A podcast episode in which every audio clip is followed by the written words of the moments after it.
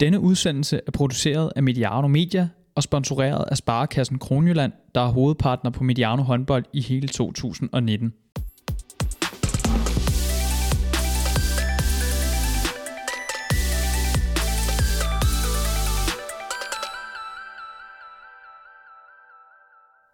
Aalborg og BSV skulle bruge to semifinaler, før de blev enige om, at øh, nordjyderne skal gøre sig finale klar.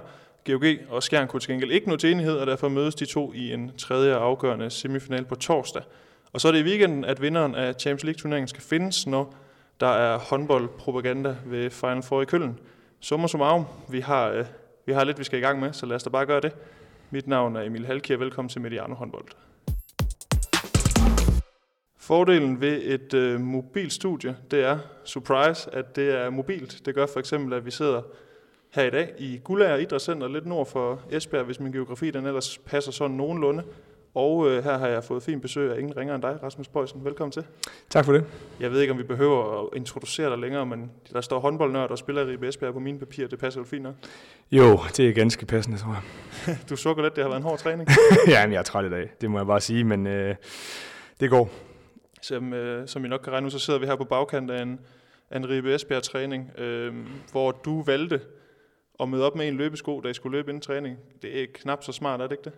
Jamen, nu kan jeg sige, at bødekassen den er jo øh, færdig for i år, så det kunne man jo tillade sig nu. Men øh, jeg fik lige pludselig lidt travlt, da øh, kæresten hun, øh, valgte at bruge to og en halv time på en øh, frisørtid. Så otte minutter fra, fra hjemmet og så herud, og så fandt jeg så ud af, ja, som du siger, at, at der kun var en øh, løbesko i, i tasken, og så måtte jeg jo hoppe i min øh, Adidas øh, almindelige sko, og så gik det også fint.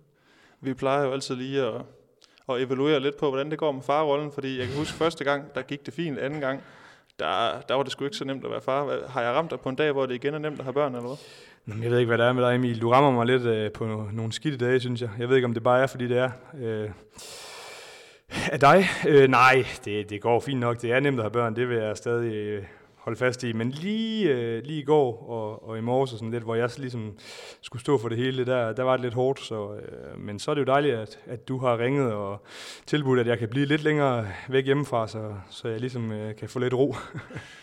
vi, øh, jeg kan se, at siden vi talte sammen sidst, der har du både øh, du har været en tur i Norge, og øh, du har for at se din kommende klub Elverum, og så har du mm. også været på bødekasttur. Øh, bødekasttur, det er ikke noget, man spørger ind til, har jeg, har jeg ladet mig fortælle, så jeg vil egentlig bare spørge, den tur til Norge, var det en god tur? Ja, det var det. Det var sådan en rimelig komprimeret tur, øh, da flytiderne gjorde, at, at det blev lidt presset, og jeg tog min far med, eftersom jeg jo øh, er blevet far, og det passer ikke så godt øh, med en lille og en flyvetur, så, så kæresten blev hjemme og passede øh, barnet, men øh, vi kom derop og fik set hallen, og fik set øh, ja, finalen, og, og det, var, det var rigtig fedt, og så, så var det egentlig bare øh, hjem igen dagen efter, hvor vi lige fik set en lejlighed inden, øh, så vi har fundet noget øh, at bo øh, i deroppe, så, så det var egentlig alt i alt rigtig positivt, øh, dejligt indtryk, ja. Jeg følger en af dine øh, kommende holdkammerater på Instagram, Sigvalde Gudmundsson. Jeg kunne se, at de også har haft lidt at fejre deroppe. De skulle blive mestre. Mm. Det, øh, det er du vel glad og tilfreds over?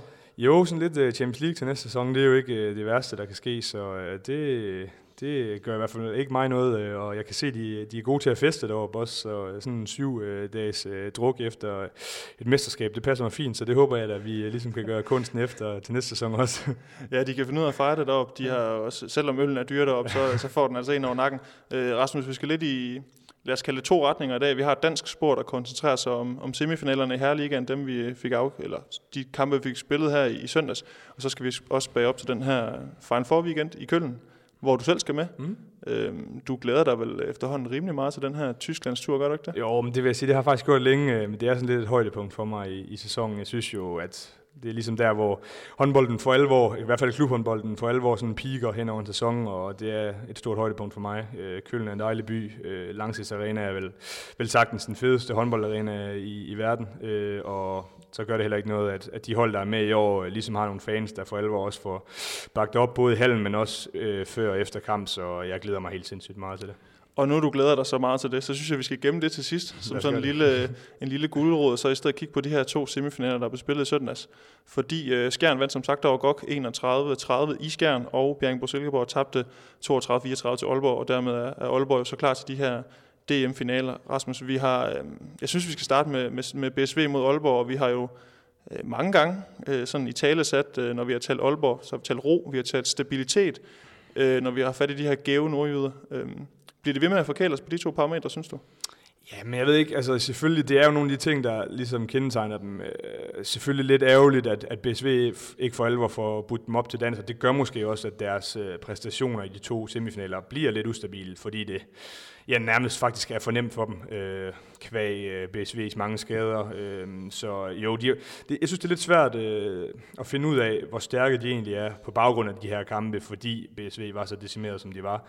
Øh, men der er jo ingen tvivl om, at øh, det er jo, øh, Stefan Madsen har ligesom fået øh, implementeret det her ro øh, og stabilitet, men jeg synes også, at deres øh, kontrafase virkelig er blevet øh, sådan kantet af og, og blevet øh, stærkere og skarpere, så jeg synes, der er mange ting og mange spillere, der byder ind, og nu fik de også lidt Magnus Saustrup med i, i sidste kamp, så det, det tror jeg også øh, vil styrke dem rigtig meget, øh, hans tilstedeværelse, og det viste jo også lidt, øh, i, da det sådan lidt brændte på for dem, og, og BSV var på vej tilbage kvæg nogle, nogle redninger af Reza blandt andet, at, at man så lige kunne øh, variere øh, defensivt og, og smide, øh, smide Savstrup op i en, en 5-1, det betyder bare meget, at, at man ligesom har øh, et skaktræk mere i, i forhold til det. Så øh, det er jo selvfølgelig rigtig positivt, og også positivt som håndboldelsker, at, at en rigtig dygtig spiller som Savstrup er tilbage og, og kan spille øh, finalerne forhåbentlig for fuld tryk. Øh, det er jo det, vi gerne vil, at, at de bedste spillere er med, og det, det synes jeg har været lidt ærgerligt i de her semifinaler, øh, og i, måske i det hele taget i sæsonen, at der har været rigtig mange skader. Øh, nu skal vi ikke begynde at snakke om alt det her med kampprogrammet øh,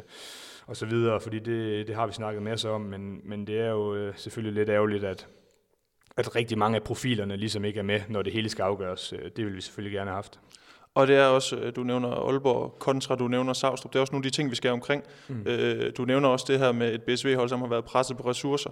Øh, det kan man vel også et eller andet sted sige, at Aalborg har været. De har ja. også en, en, en, et hold, der har haft rigtig mange skader. En, øh, en Mindby, der under lykkelige omstændigheder øh, mm. måtte forlade den her øh, anden semifinal, eller ikke stille, stille, stille, stille klar til start, fordi han havde en, øh, en bedre halvdel, der skulle føde. Øh, det gør det vel ikke mindre imponerende, at Aalborg har været så overbevisende, taget i betragtning af, hvis du kigger ned over listen med navne, som ikke er med. Mm. Altså, det, det, altså, vi skal nok snakke BSV også bagefter, som også har været hårdt ramt, men Aalborg, altså, de, de skulle heller ikke gå fri, undskyld. Nej, slet ikke. Altså, Holst har jo også været, eller er ude og har været ude i lang tid, øh, men det, jeg synes jo også, det viser, at de har et rigtig bredt hold. Øh, og man må sige, at øh, sådan en spiller som Henrik Mølgaard er også bare rar have i sådan en situation, der, der reelt kan bruges på alle bagspilspositioner og alle positioner defensivt også. Øh, så øh, de har ligesom fået, fået købt godt ind, synes jeg. Øh, Omar er selvfølgelig fantastisk, også, også i semifinalerne, så de, de har et, øh, selvom de ikke, måske ikke har det bredeste hold, øh, så har de i hvert fald en masse spillere, som ligesom kan byde ind på mange øh, måder. Øh, men øh, der er jo ingen tvivl om, at at øh, nu er Savstrup godt nok tilbage, men René Antonsen, René Antonsen har jo også problemer med sin, øh, sin albu, og jeg synes jo, han har spillet fantastisk i den her sæson, men, men går han lige pludselig ud i, i starten af en, af en finale, så kan det også betyde meget. Øh, men ja, ligesom bare for at vende tilbage og, og gentage mig selv, så er det bare ærgerligt, at, at vi har rigtig mange af de her, her skader, og at rigtig mange af topholdene øh, har været rigtig hårdt ramt i, i den her sæson. Det synes jeg er ærgerligt. Øh, men det siger også bare meget om, om tingene i Aalborg, at ja, så bliver Buster Juhl skadet, så har man en Bartol, som bare øh, piker endnu mere, og så bliver Hold skadet, og så går Ellebæk og, og Smarterson ja, også ind og, og tager mere ansvar. Så øh, det er ligesom om, at hierarkiet har været rigtig stærkt øh, i Aalborg, og at når der så er nogen, der er gået ud, så øh, har det virket som om, at man har været rigtig god til ligesom at få ført andre øh, med videre, og, og at de ligesom kunne højne sit, øh, sine præstationer på den måde, så det er stærkt, synes jeg hvis vi taler rekruttering og, og kigger på Aalborg og kigger, så er der selvfølgelig nogle spillere, der har været skadet. Knud Rune har også været skadet. Mm. Men, men de spillere, man har rekrutteret op til den her sæson, det er vel alle spillere, som et eller andet sted har, har gjort en forskel. Kan man ikke også sige, at det er et sted, øh, jeg ved ikke om det er Jan Larsen, der sidder og trækker alle tråden derop, men på rekrutteringsdelen, der har Aalborg vel gjort det rigtig fint.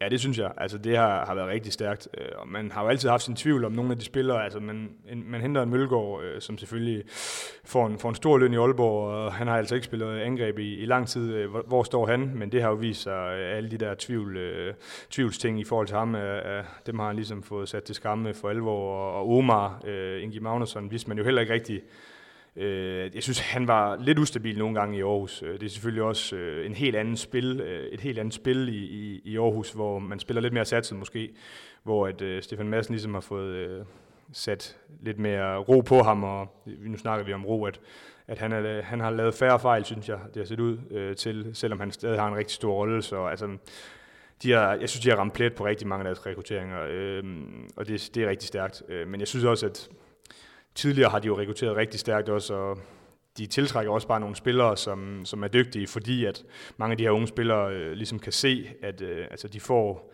chancen. De tager selvfølgelig chancen, men de får chancen, og der er spilletid til dem i, i, Aalborg, øh, nogle af de mest, øh, allermest talentfulde. Så øh, på den måde har man ligesom også fået opbygget et image, der gør, at man kan hente nogle rigtig dygtige spillere på den måde. Ja, Aalborg er blevet en, en attraktiv destination, kan man vel godt sige. Ja, øhm, hvis vi holder fast i det her ressourcespor, lige kigger over mod Bjergbro som jeg også sagde, de er jo heller ikke blevet forskånet, og vi har også øh, måttet se semifinaler uden Nikolaj Markusen. Mm. Øh, jeg kunne forestille mig, at, øh, at Bredstof han har kløet sig en del i panden over, hvordan får jeg lige sat et hold her, og ja. Hvad med venstrefløje? Det så vi også i den anden semifinal. Der var ikke rigtig nogen decideret venstrefløje. Øhm, jeg ved godt, den første semifinal, der bliver de fuldstændig basket af Aalborg, og der, der kan man ikke indvende noget mod det, men de spiller alligevel, altså, de giver alligevel, øh, jeg vil ikke sige Aalborg kamp til stregen, men de byder dem i hvert fald en lille smule mere op til dans. Altså, det må vel også imponere en smule, at de på baggrund af de her ting, øh, trods alt ikke bare ligger sig ned, fordi hvis man kigger på kampforløbet, de er jo også bagud med fem, hvor man tænker, nu knækker den, ikke? Altså, så de ligger sig vel heller ikke ned og giver vel også Aalborg øh, giver dem vel også lidt modstand et eller andet sted. Jo, men jeg synes, øh, kan du få det, altså de kommer med, hvad de har, og får prøvet rigtig mange forskellige ting. Altså man kan sige meget, men, men Bredstof får virkelig prøvet nogle forskellige konstellationer, og givet nogle af de unge chancen også, og får brugt hele sit mandskab. Og får, man kan i hvert fald ikke sige, at BSV, det vil, være, det vil være ærgerligt for dem at sige efter de her to semifinaler, at de ikke har gjort, hvad de kunne. Men det synes jeg slet ikke, man kan sige. Altså jeg synes, øh, jeg synes virkelig, at de fik prøvet nogle ting af, og, og kom med det, de, de havde, og der var jo også nogle rigtig fine præstationer. Altså jeg synes, Lassen, som har spillet en rigtig rigtig stærk sæson, virkelig fik peaked i, øh, i semifinalerne og gjort det rigtig, rigtig stærkt. Øh, Han kunne de ikke rigtig styre Aalborg. Øh, så jo, jeg synes, der er stor gave, at, at man kan selvfølgelig hurtigt falde, øh, falde ned i et hul, når man, når man taber første kamp rimelig klart. Nu ved jeg godt, øh, cifrene lidt fortæller noget andet, men det synes jeg var lidt misvisende. Altså, der var klasseforskel i første kamp.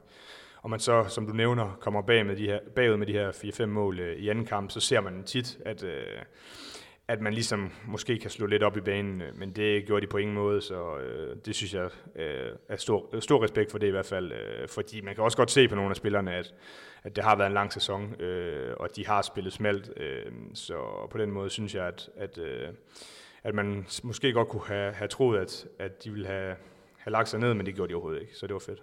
Noget af det første, du hævde frem, øh, da vi sådan lige tog fat på den her snak om, om Aalborg mod Bjergbro Silkeborg, den her serie, det var, det var som sagt den her kontrafase, og det blev ret tydeligt i kamp 1, at øh, det var her, hvor BSV blev presset i særlig grad. Og jeg synes næsten, det er fornemt at spørge dig til, om, om, det var, om billedet var det samme i søndags. Mm. Øh, jeg bemærkede, at øh, TV2 Sport de havde sådan en lille grafik nede i hjørnet efter 43 minutter, hvor der stod 11-2 i Aalborgs favør i den del af spillet. Øhm, øh, så det giver måske sig selv, at de har haft et overtag der. Øh, men jeg så også på Twitter, der blev skrevet lidt om, øh, at nu er GOG måske ikke længere det hold, der har den farligste kontrafase. Øh, at den til måske nærmere tilhører Aalborg nu. Øh, er du enig i, at det hælder lidt mere i den retning? Jamen, jeg synes, det er svært det der, fordi det afhænger også lidt af, hvordan øh, taktisk man vil gå ind til en kamp. Men Øh, det kan vi måske også snakke øh, mere om senere i forhold til GOG, fordi der synes jeg, jeg har nogle fine pointer i forhold til det. Men der er i hvert fald ingen tvivl om, at, at Aalborg måske øh, er blevet endnu skarpere på det punkt. Øh, jeg synes, jeg synes virkelig, de er stærke på det, men det har de også været tidligere. Øh, men det er også klart, at, at de ligesom vinder kontrakampen mod BSV, når, når der er den her niveauforskel, og samtidig BSV, de ikke rigtig øh, ligesom har en, en opstilling defensivt, der gør, at de kan løbe.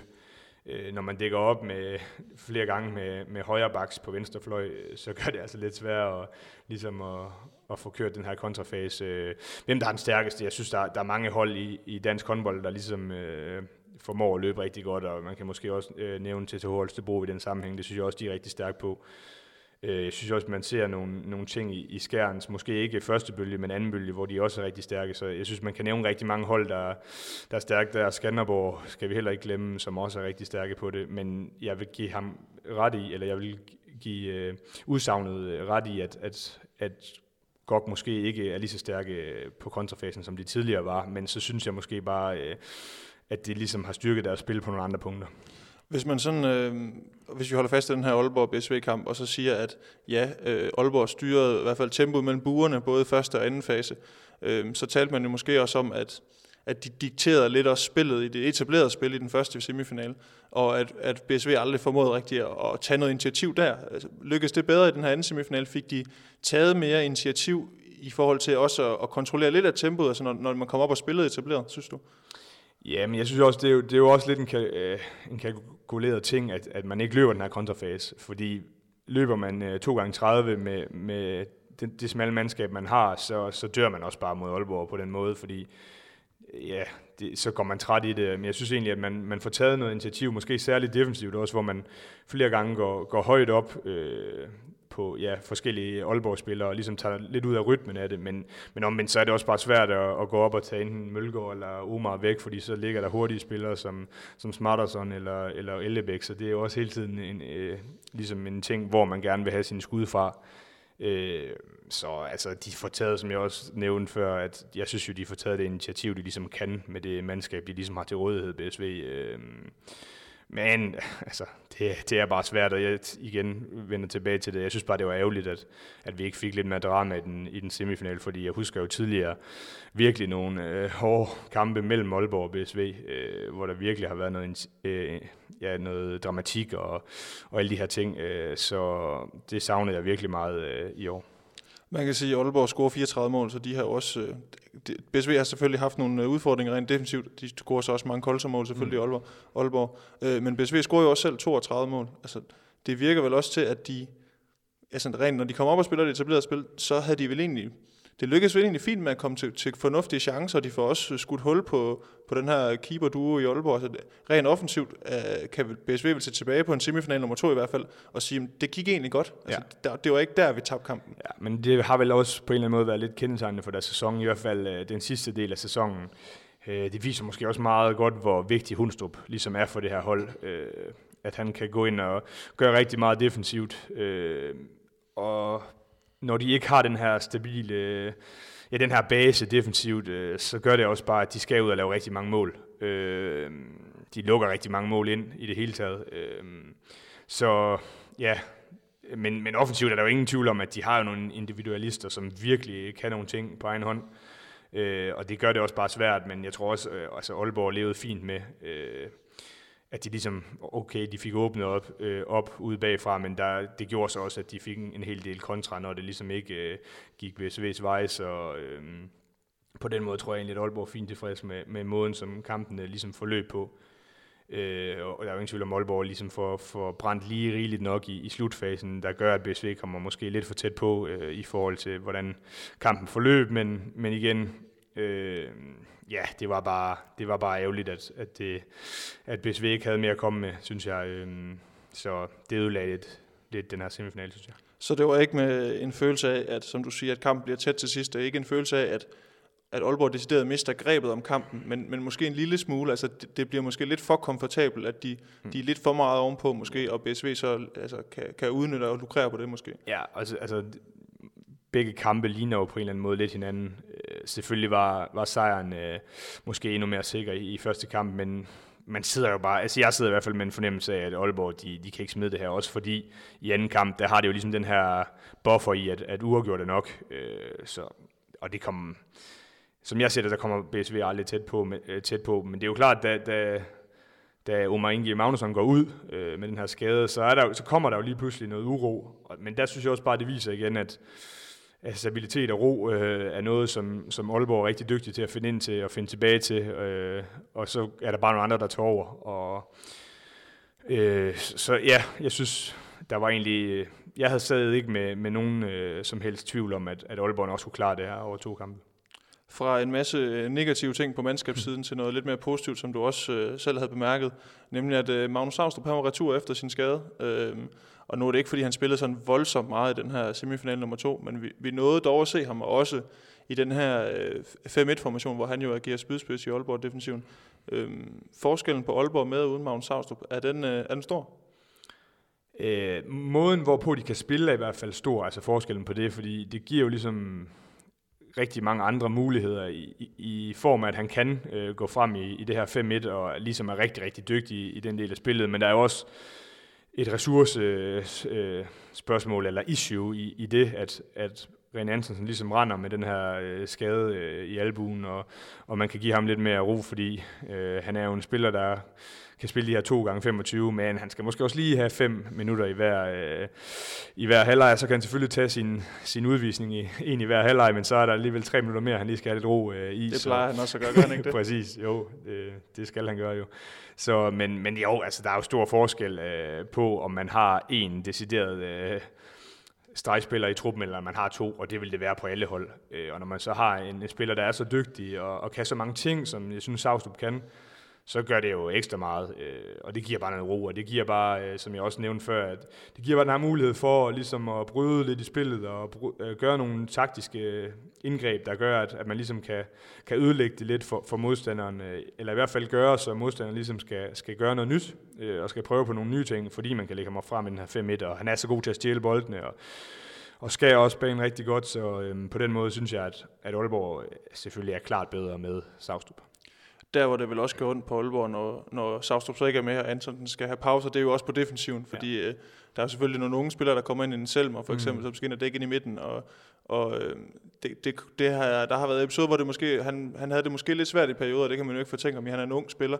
Øh, der, er de, det, der mærker det dem selvfølgelig også øh, sådan rent defensivt. Hvis vi sådan kigger rent offensivt, øh, så har der jo været perioder, hvis vi sådan tænker grundspil, hvor den her kombination af Janus Marsson, Omar og Ingi Magnusson, den måske ikke fungerede sådan 100%. Altså jo, de var gode, øh, men en spiller som Janus især har måske svinget lidt i niveau, i hvert fald øh, før jul. Øh, de her to semifinaler, øh, og de to, altså er du, er du imponeret over den duo? Fordi nu taler vi Janus for eksempelvis, en, en der også får markeret sig altså selv på måltavlen. Altså mm. den her kombination af de to, øh, var den imponerende? Jamen, jeg vil faktisk sige, i det hele taget vil jeg bare sige, at jeg synes, det er en imponerende, øh, et imponerende angrebsspil, som Aalborg har. Øh, jeg synes, det her med variation kan jeg jo rigtig godt lide, øh, og også noget, jeg altid sådan vender tilbage til, at, at man har så mange forskellige typer spillere. Selvfølgelig har det pyntet rigtig meget at have holdt med os, men jeg synes egentlig ikke, det gør så meget, at de ikke har lige så meget skudkraft. Man skal selvfølgelig ikke glemme, at, at både Mølgaard og, Ja, også Omar, men også øh, Ellebæk kan, kan åbne ud bagfra, og det kan selvfølgelig øh, både Omar og, og Smarterson af, af den her, de her mellemdistancespillere, men jeg synes, at, at deres spil sammen, selvfølgelig jo, de har jo en indbyrdes forståelse, som, som bare er så vigtig i håndbold, det her med to, to, eller to, to aftaler sammen, og, og der er jo ingen tvivl om, at, at Omar er rigtig, rigtig dygtig til at vurdere, og det gør også bare, at, at når de spiller ved siden af hinanden, så får Smarterson nogle situationer, hvor han kan komme i fart, og så er han altså svær at holde øh, altså hvis man kan få isoleret ham med, med en forsvarsspiller, så, så er det tit, han, ja, han har det her skud rundt om kroppen, han kommer i fart, men han også bare han kan løbe forbi. Øh, så jeg synes, øh, som du nævner, øh, så var der øh, altså sådan lidt startvanskeligheder øh, i Aalborg øh, mellem de to måske, øh, men jeg synes, de har fundet rigtig meget øh, frem til noget rigtig godt nu, og får en dejlig fart ind i spillet, synes jeg. Og så kan man variere rigtig meget på den måde, og, og det synes jeg, øh, det synes jeg er rigtig spændende at se. Øh, det er måske også sådan lidt uvandt øh, i Danmark. Øh, nu skal vi ikke sige, at de er små, men de er jo selvfølgelig mindre spillere, øh, og det synes jeg også bare er lækkert at se, at, at det ikke bare altid øh, måske, måske for 5-10 år siden, at det var de her store skytter, og man reelt set ikke spillede med playmaker i bagkæden, og som Aalborg nogle gange spiller nu, så kan man måske endda argumentere for, at de spiller med, med tre deciderede playmaker i bagkæden, fordi Omar jo har det her vurderingsspil. Øh, Mølgaard har jo ikke den her fart, og, og måske heller ikke helt skuddet, som man havde for fem år siden, men han er jo bare fantastisk rolig, og, og ja, fordeler boldene rigtig godt øh, øh, hen, hen til de rigtige steder. Jeg synes også, øh, Smarterson har jo selvfølgelig også noget playmaker over sig. Så på den måde øh, er det lidt nyskabende, at man ligesom spiller med, med folk, der er så dygtige på vurderingsspillet øh, på alle positioner øh, offensivt og måske noget, der, der minder lidt om noget af det, vi skal tale om, når vi skal tale Final Four her mm. lidt senere, i forhold til sådan rent typemæssigt. Ja. Øh, Mølgaard vel også, en, som du siger, en spiller. Jeg ved godt, måske skud der ikke, hvad det har været, men det, altså i løbet af sæsonen, han har da fået smurt den skudarm med lidt sådan VD40 eller et eller andet, den er blevet bedre, er ikke det? jo, ja, men der var selvfølgelig lidt rust, der skulle øh, ligesom øh, barberes af. Det har han jo også selv snakket om, at at det tager jo selvfølgelig noget tid at vende sig til de her ting, øh, men han er jo bare en, altså, nu spiller jeg jo selv sammen med ham i skæren, øh, og det må jeg bare sige, øh, på det tidspunkt, der kunne han jo score for de der 16, 16 meter nogle gange. Det kan han ikke helt mere, men han har bare et fantastisk skud, og han, jeg synes, han er så god til at vurdere, hvornår det er rigtigt at skyde. Øh, han er rigtig svær at lægge parader på, og ja, nogle gange går det jo fandme så langsomt, at, at, at det gør det endnu sværere. Så øh, ej, han er bare en, en fantastisk spiller, som ikke laver ret mange fejl, og det betyder jo også bare, vi snakker om det her med kontrakampen, at jeg synes ikke, Aalborg får øh, så mange øh, kontra i hovedet, fordi de normalvis, når de rammer niveau, ikke... Øh, får ret mange tekniske fejl, og ikke laver ret mange fejl i det hele taget. Så øh, nej, øh, Mølgaard, han, øh, han har virkelig været en, en øh, gevinst for Aalborg, men også for den danske liga øh, i den her sæson, det synes jeg helt sikkert.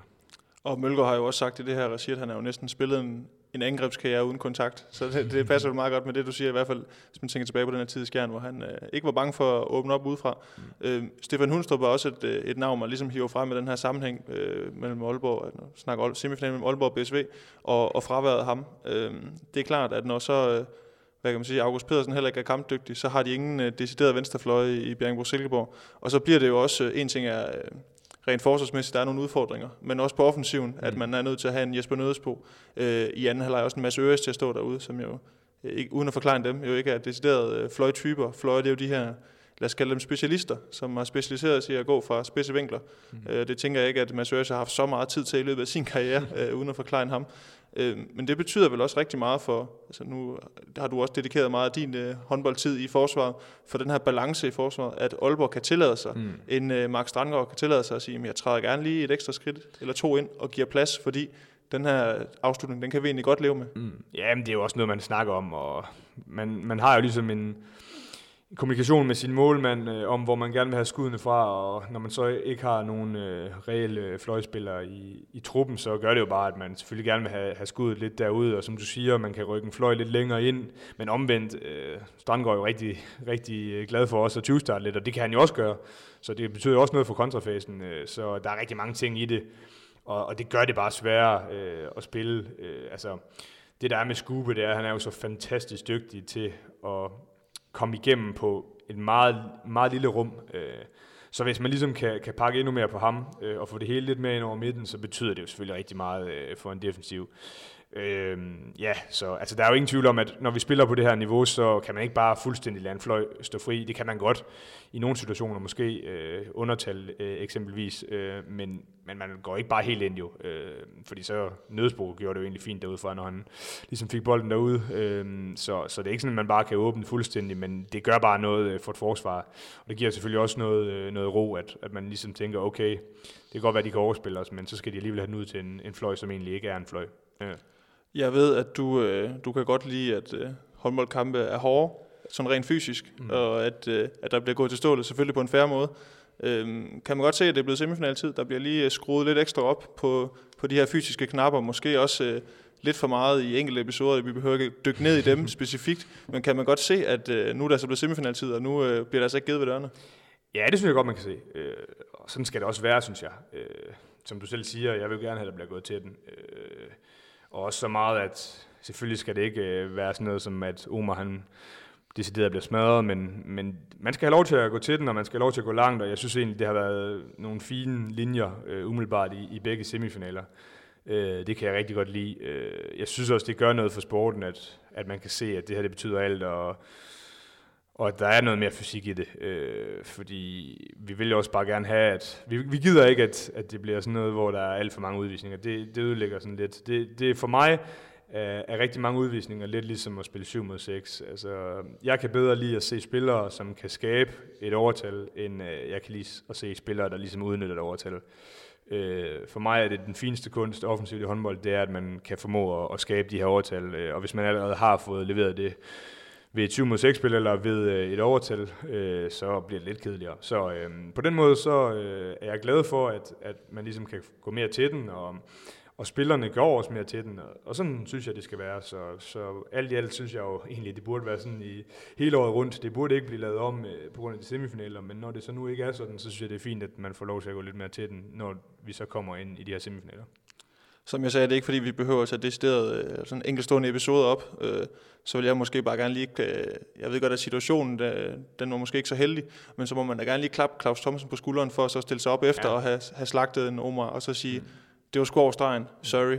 Yeah. Det, det, er vel, det er vel et eller andet sted, der må gerne blive gået til stålet, og så er det vel også fedt at se, at når der så bliver gået til stålet, når der er nogen, der går over stregen, mm. at de så øh, står ved det og siger, at det var, det var ikke i orden. Mm. Øh, det, det er vel også øh, noget af det, der gør, at man kan, at man kan leve med, at der bliver gået lidt mere til den øh, i sådan en semifinal. Ja, øh, helt sikkert, øh, og det har jeg stor respekt for. Det er ikke noget, jeg selv er særlig god til, i hvert fald ikke lige efter, at det er sket. Øh, der, der er det svært at stå og, og sige sådan nogle ting, men altså, Claus Thomsen er jo bare en god fyr, og det er jo også det, der er lidt sjovt, at når man snakker med folk, som ikke er i miljøet, men som sidder og ser de her kampe, og sidder og sviner øh, spillere til, og hvordan fanden kan du være venner med ham der og sådan noget, øh, fordi han er da sådan et svin, ikke? Men, men når man kommer uden for banen, så alle sgu nogle gode fyre, synes jeg. Så øh, på den måde, så synes jeg bare, at altså, i håndbold, der går folk til den, og det, det ved, folk ved godt i håndbold, at, at det er sådan, det er. Øh, og der er tusind episoder i, i håndboldkampe, og der bliver gået over stregen i alle håndboldkampe, øh, men det er videre. Altså, jeg har det sådan lidt, at når det, der sker på banen, det bliver derinde, og så er det egentlig bare videre. Når kampen er færdig, så er det fint. Øh, men, øh, men jo, jeg synes, det, det er fedt, at, at det er ikke verdens sjoveste at blive interviewet om sådan noget lige efter. Øh, at man så har forhåbentlig har fået adrenalin så langt ned, at man godt kan se, at det, ja, det var sikkert fint. Så øh, Claus Thomsen, det var, det var fint. Folk ved, at øh, der bliver gået til den i semifinalen, og folk ved også, at når vi går i gang og øh, snakker om den første kamp i vores, når vi laver podcast, så, så, så griber det om sig. Lige en sidste ting øh, i forhold til Aalborg og øh, BSV, eller måske mere myndet på Aalborg. Øh, den første DM-finale, den er på søndag. Torsdag aften, der spiller øh, Gok og Skjern den tredje øh, semifinale.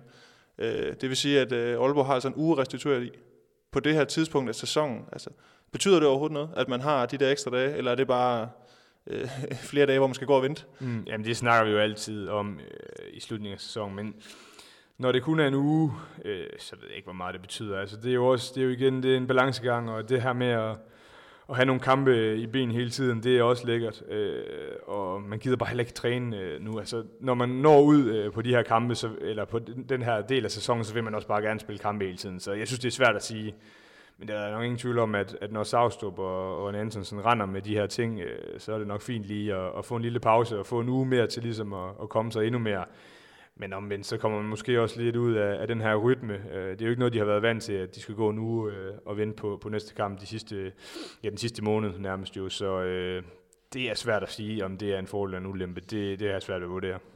Der var ingen, der lovede, at næste spørgsmål skulle være nemme i dag, Rasmus. men øh, jeg synes, vi skal gå videre til den her Skjern øh, GOG semifinale, semifinale nummer to, som blev spillet mm. i, i Skjern, hvor at, øh, Skjern vandt med en enkelt 31-30. Sådan lige hurtigt først. Det der frikast efter tid. Sad du også med en fornemmelse af, at den, den hugger Lars Møller altså ind? Jeg sad i hvert fald med en fornemmelse af, at alt det kunne ske, øh, og det vil jo, den vil have gjort ondt. Nu skal jeg jo starte med at sige, når vi snakker om Skjern, at jeg måske, folk ved måske godt, at jeg har en lille forkærlighed til den klub, øh, og har også en far, der sidder i bestyrelsen, så øh, det skal man lige have en mente, når jeg kommer med nogle ting. Men, men når det så er sagt, så ja, øh, altså, man ved jo bare, at Lasse Møller, han, han kan det hele, men jeg sad jo ved siden af øh, folkene, eller dem, der sad ved siden af mig, ville også kunne høre mig sige, ja, nu kringler han den ind. Øh, så jeg havde ikke regnet med den der version, øh, men den var flot, øh, og der gik jo et sus igennem hallen. Altså, det var jo bare ja, jeg vil ikke sige, at det var et højdepunkt på kampen, men det var en fed kamp, og det, den havde det hele, og det der, det var bare sådan lidt prikken over i, at ja, at, lad os nu sige, at, at det bliver afgørende, og at skæren går videre på det der, så kan Aalborg der godt nok, eller undskyld, Gok der godt nok øh, gramme sig i lang tid over det der, fordi det var godt nok tæt på. Ja, man så også en, en Emil Nielsen, der lige øh, sugede luft ind, ja. det, var sgu, det var sgu tæt på. Øh, hvis vi sådan kigger over på den semifinal, så er det klart, at vi er derude, hvor det, det, det er marginaler, der bliver afgørende af 31-30. Det, det er småt, det er et stolpeskud for Lars Møller i, de, i eftertid. Ikke? Øhm, men hvis vi sådan øh, holder fast i de her marginaler, altså hvor i Skjerns præstation henter de så dem på GOG? Altså hvor er det, at de har de her marginaler hen? Jeg synes, at den helt store forskel er målmændene. Øh, jeg synes, at Aalborg spiller bedre håndbold øh, Nej, undskyld, hvorfor bliver jeg ved med at sige Aalborg? GOG spiller bedre... Vi har også snakket lang tid jamen, det er det, det, det, at GOG spiller bedre håndbold end Skjern øh, i den kamp. Øh, men Skjern har flere redninger. Så det, det er selvfølgelig nemt at sige, at det er bare det. Øh, og der er også noget i forhold til det mentale i, i slutningen af kampen, hvor jeg synes, at man ser nogle ting, eksempelvis for Lars Møller, som han, det er selvfølgelig rigtig uheldigt, den her overtalsperiode, øh, går kar, hvor de taber 2-0, hvor Lars Møller øh, smider den i, øh, i hænderne på Anders Sikkert, men også hvor, øh, hvor jeg tror det er Berndal eller også Lars Hall, der brænder helt ind over øh, på Emil Nielsen. Og det, det gør ligesom, at, at skæren får lidt luft. Øh, øh, men jeg synes, at det er målmandsposten, der for alvor bliver afgørende, fordi jeg synes, hvis du sådan ligesom går, går ned i det og ser øh, på øh, det, der sker øh, ud over målmandspræstationerne, der synes jeg, at Gok er bedst. Øh, men der er bare mange ting, der spiller ind i sådan en kamp. Øh, og der er, som du siger, der er jo rigtig mange, mange marginaler i det. Øh, så øh, målmandsduellen, øh, jeg tror også, han har næsten dobbelt så mange redninger, Emil Nielsen, som, øh, som de har til sammen, Frank og, og Ole Evik. Så på den måde er det jo selvfølgelig afgørende.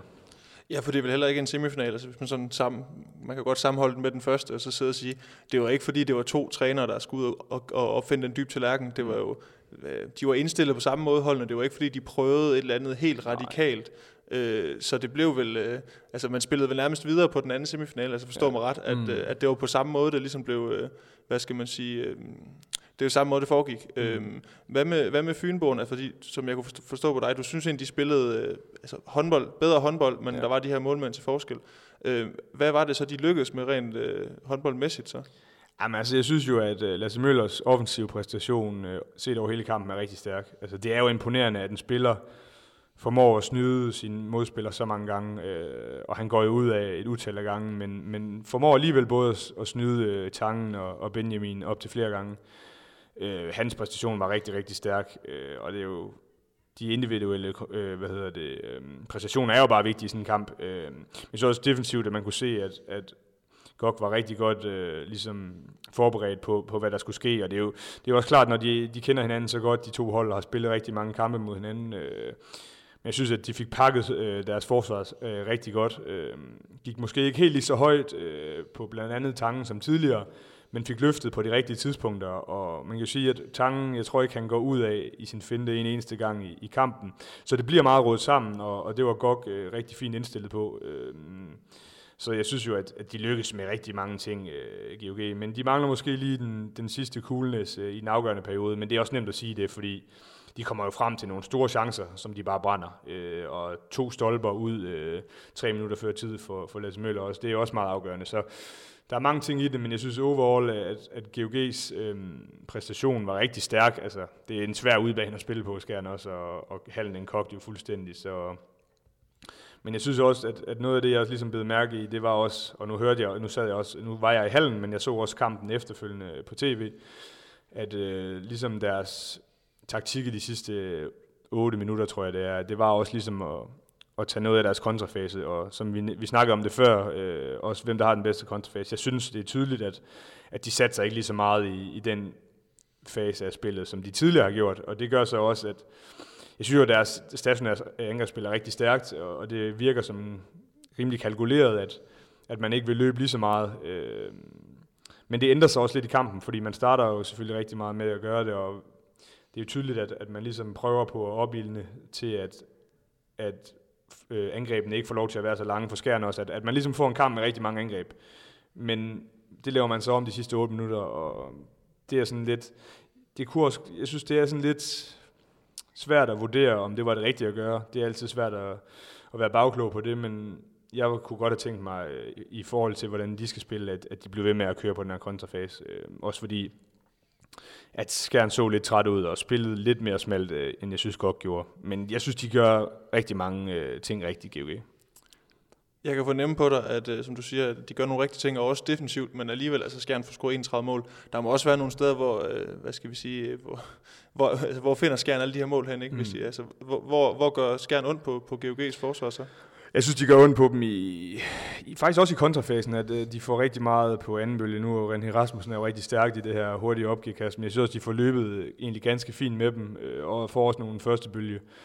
Øh, men jeg synes, de gange, hvor de rammer dem rigtig hårdt, det er, når de får sat tangen ordentligt op til, til skud, og det fik de ikke så meget i første halvleg. De, de gange, de får sat ham op, der får han egentlig smidt mænd, men det bliver rigtig meget sådan noget med, at han selv skal bære den op, og jo ikke, fordi han er den, den, øh, den bedste fintespiller, øh, så det bliver sådan meget, at, at han kommer til at afslutte med, med en mand øh, på ryggen.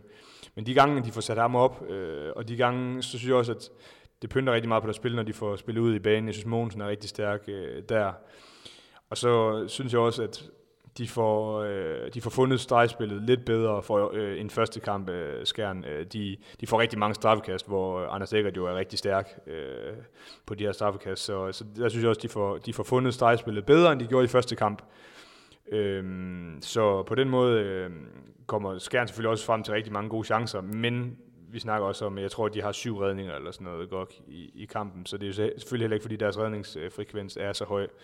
Øh, så Gok i min optik spiller sig frem til, til flere bedre chancer, end Skjern egentlig fik gjort. Vi, øh, jeg synes som regel, vi ender med at sidde og snakke noget bredt også, når vi snakker semifinaler, også mm. fordi det er på det her tidspunkt af sæsonen. Øh, vi gjorde det også, da vi snakkede BSV Aalborg lige før. Øh, jeg sad sådan og kiggede lidt i, i kamprapporten for opgøret mellem Skjern og Gok. Øh, og Skjern har jo sædvanligvis øh, haft for vane at spille smalt. Det har sådan været mm. måden, øh, Ole Nørgaard har valgt at spille, og også en måde, man har vundet dansk mesterskab på i sidste sæson. Mm. Øh, slået Vestpræg med Champions League. Øh, så det, det virker også. Øh, det skal man skynde sig lige at indskyde. Øh, men jeg så sådan alligevel kigget, altså når jeg kigger på kamprapporten, Skjern havde 9 markspillere til rådighed, øh, GOG havde 13 markspillere til rådighed. Mm. Det er ikke fordi, det sådan siger det helt vilde, måske, øh, men alligevel, altså GOG er også et hold, der spiller bredere. Øh, kan, kan den her bredde, altså den her forskel, altså jeg ved godt, at vi så det sidste sæson, at Skjern lykkedes med det, men, men man står i en tredje semifinal, som du siger, sæsonen har været lang, nu snakker vi om BSV-spillere, som var trætte, øh, Skjern spiller må også være mærket af, altså efterhånden. Øh, tror du, man kommer til, kan man se det i en tredje semifinal, at, at nu, nu begynder det at, at, vise sig, at man har spillet smalt? Altså er det, er det på den her, det her tidspunkt af sæsonen, at det bliver tydeligt så?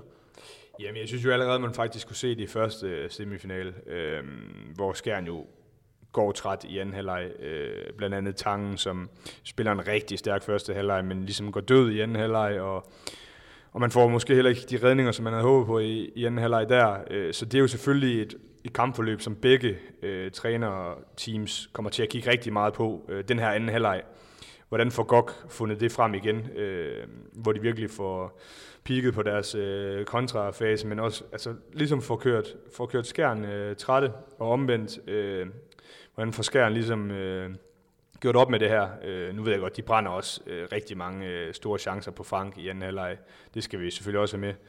Øh, men jeg tror bare, øh, at det er et forløb, som GOG selvfølgelig håber rigtig meget på, at de kan finde frem igen i, i tredje semifinal, og det er jo selvfølgelig et, et forløb, som, som Skjern vil gøre alt for ligesom ikke øh, at, at finde frem igen, kan man sige. Så, så det tror jeg, det bliver rigtig spændende at se øh, taktikken i forhold til det, øh, hvordan begge hold ligesom agerer på det, og jeg tror jo, min ligesom formodning er selvfølgelig, at, at GOG vil gøre alt for, at den her bredde, den bliver afgørende, øh, at man vil prøve rigtig meget at, at løbe på alt, og ligesom øh, få, få sørget for at få måske lagt lidt pres på dommerne i forhold til, at, at skærne ikke spiller ret lange angreb. Øh, så hvis man kan få gjort det, så er det jo selvfølgelig noget, der er til stor fordel for, for GOG, og um, omvendt skærn vil formentlig måske prøve at spille lidt mere henholdende og trække lidt af tempoet, men men når, når det så er sagt, jo, ressourcer er jo en stor del af det i håndbold, øh, og, og bredden er bare sindssygt vigtig. Men øh, når vi går ind i en tredje semifinale, så tror jeg også bare, der er rigtig mange andre ting, som ligesom spiller ind.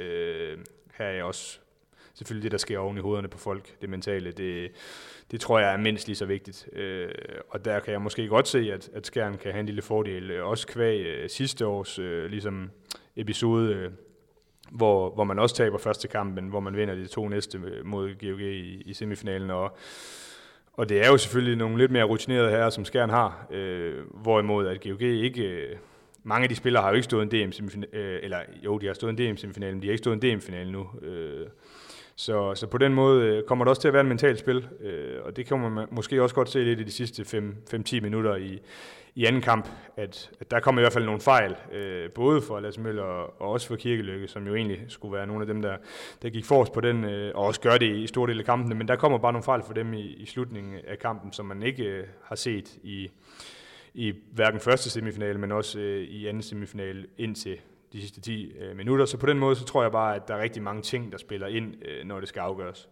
Så for GOG, der øh, handler det måske om at få noget tempo ind i kampen. For, for Skjern, der er måske nærmere det modsatte, og mm. så øh, at man måske får udnyttet den her rutine, som jo bare er, er tydelig. Jeg så også TV2 Sport havde en grafik af antallet af landskampe mm. øh, i trupperne, ja. øh, og der skulle man også huske, at GOG havde altså Ole Erdervik, som tegnede sig for de fleste ja. af de A-landskampe i den trup.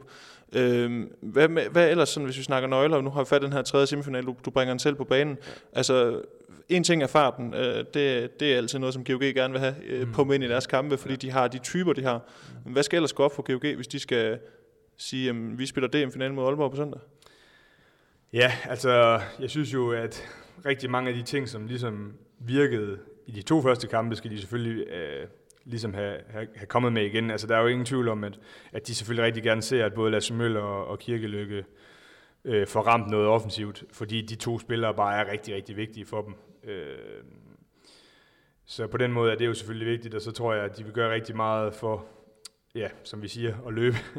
Øh, det er vigtigt jo, og så, så nogle redninger, og det er selvfølgelig så banalt at sidde, banalt at sidde og snakke om. Øhm, men, men det er, bare, det er bare de ting, der ligesom gør, at det er i hvert fald det, der har vist sig øh, tidligere historisk, men også i de her semifinaler, der, altså når, de, når det går godt for GOG, så er det øh, et forsvar, som ligesom får taklet rigtig godt af, for, for tingene afgjort ind over midten. Øh, sørget for, at det ikke kommer ud på fløjene, sørget for, at det ikke kommer ud på en, en stregspiller, som løber ud over bakken, eller en Mogensen, der kommer ud på, på imellem 1 og 2. Øh, nej, det, det er bedre at få det ind over midten og få det afgjort der. Øh, og hvis de kan det, så kan de også få løbet. Øh, og, og det er jo selvfølgelig det, de, de vil gøre alt for at gøre øh, offensivt så er det jo noget med øh, at få sat, øh, Puyol, Puyol har jo en kæmpe rolle i at få sat øh, sine backs op øh, til skud. Øh, og selvfølgelig få sat øh, Lasse Møller fortsat i, i nogle isolerings... Øh, øh isoleringsepisoder øh, med Tangen, med øh, Benjamin, hvem det nu er, øh, hvor han jo virkelig, øh, undskyld mit franske, tøj røv i dem øh, i anden semifinal. Øh. Så, så det er nogle af de ting, de ligesom skal have fundet frem igen. Så skal jeg lige sige, hvis der er noget lyd i baggrunden, så er det fordi, der er nogen... Øh, jeg gætter på, det er et, øh, et pigehold, der har indtaget halvgulvet hernede i baggrunden et eller andet sted. Så hvis der er nogen, der, der undrer sig over, hvem det er, der går og har sådan en skingerstemme i baggrunden, så er det ikke... Øh, så er det derfor. Øh, du hiver selv øh, Piol frem her. Øh, en spiller, som kom til GOG i den her sæson, og som uden at, at fornærme ham, kan man vel godt sige, at han, er ikke, han tog i hvert fald ikke grundspillet med Storm. Øh, det virker til, og så må du rette mig, hvis jeg tager fejl, at han måske øh, han er steppet lidt op, i hvert fald i den her semifinalserie, altså, og at han er han, øh, han er lykkedes bedre med det, som du nævner her, nemlig at gøre hans baks gode. Mm. Jamen jeg synes jo, ja, som du siger, han har steppet op, og han har taget mere ansvar. Øh, nu fik han jo så også lidt på, på munden for at, at tage for meget ansvar, fordi det jo ligesom var ham, der tog det her lidt tvivlsomme underhåndsskud øh, i slutningen øh, af kampen i anden semifinale. Men jeg synes, han, han, er rigtig, han er jo rigtig god til ligesom at få noget flow i spillet og få sat sin øh, baks øh, i scene. Øh, og så synes jeg også, der var i første semifinale, der var der i anden halvleg en hel gang, hvor han faktisk selv øh, får, får noget plads på, på baks, hvor han får sat øh, en Arvid Tange et par gange og får en udvisning på ham og får scoret et par mål. Øh, og det er jo det her med ligesom at være klar. Jeg, jeg tror ikke, der er jo nok ikke nogen tvivl om, at, at Skjern kommer til at snakke om, at de vil pakke endnu mere på Lasse Møller. Fordi det var det, der var det store problem øh, i anden semifinale, at at han ligesom gjorde næsten, hvad han ville. Så der kommer jo til at være endnu mere plads til, til en Puyol, øh, og det er jo selvfølgelig noget, som Gok skal snakke om, hvordan de vil udnytte, men det er jo selvfølgelig også noget, de har været vant til, fordi det er jo ikke, skal jo nok ikke de første, der kommer til at, eller har pakket rigtig meget omkring Lasse Møller. Og, og der er det jo spændende at se, hvordan han ligesom får, forklaret det. Øhm, der er jo, han, jeg synes jo, han er rigtig dygtig til også at spille med, med sine øh, stregspillere, og han har også en rigtig en god finte, blandt andet en, en skudfinte, som er rigtig, rigtig stærk. Så som du selv siger, øh, grundspillet var ikke fremragende frem, og han var også selv ude at, at sige, at, øh, at han ikke var tilfreds med sit spil. Men jeg synes også, der har været nogle tendenser i spillet, hvor han har gjort det bedre. Øh, når det så er sagt, så, så øh, er han jo selvfølgelig ikke øh, deres bedste spiller offensivt. Øh, og så har jeg måske ikke sagt for meget. Men, men jeg synes stadig, at han er rigtig dygtig til at få, få sat noget flow ind i spillet, og, og det er selvfølgelig det, han skal arbejde videre med.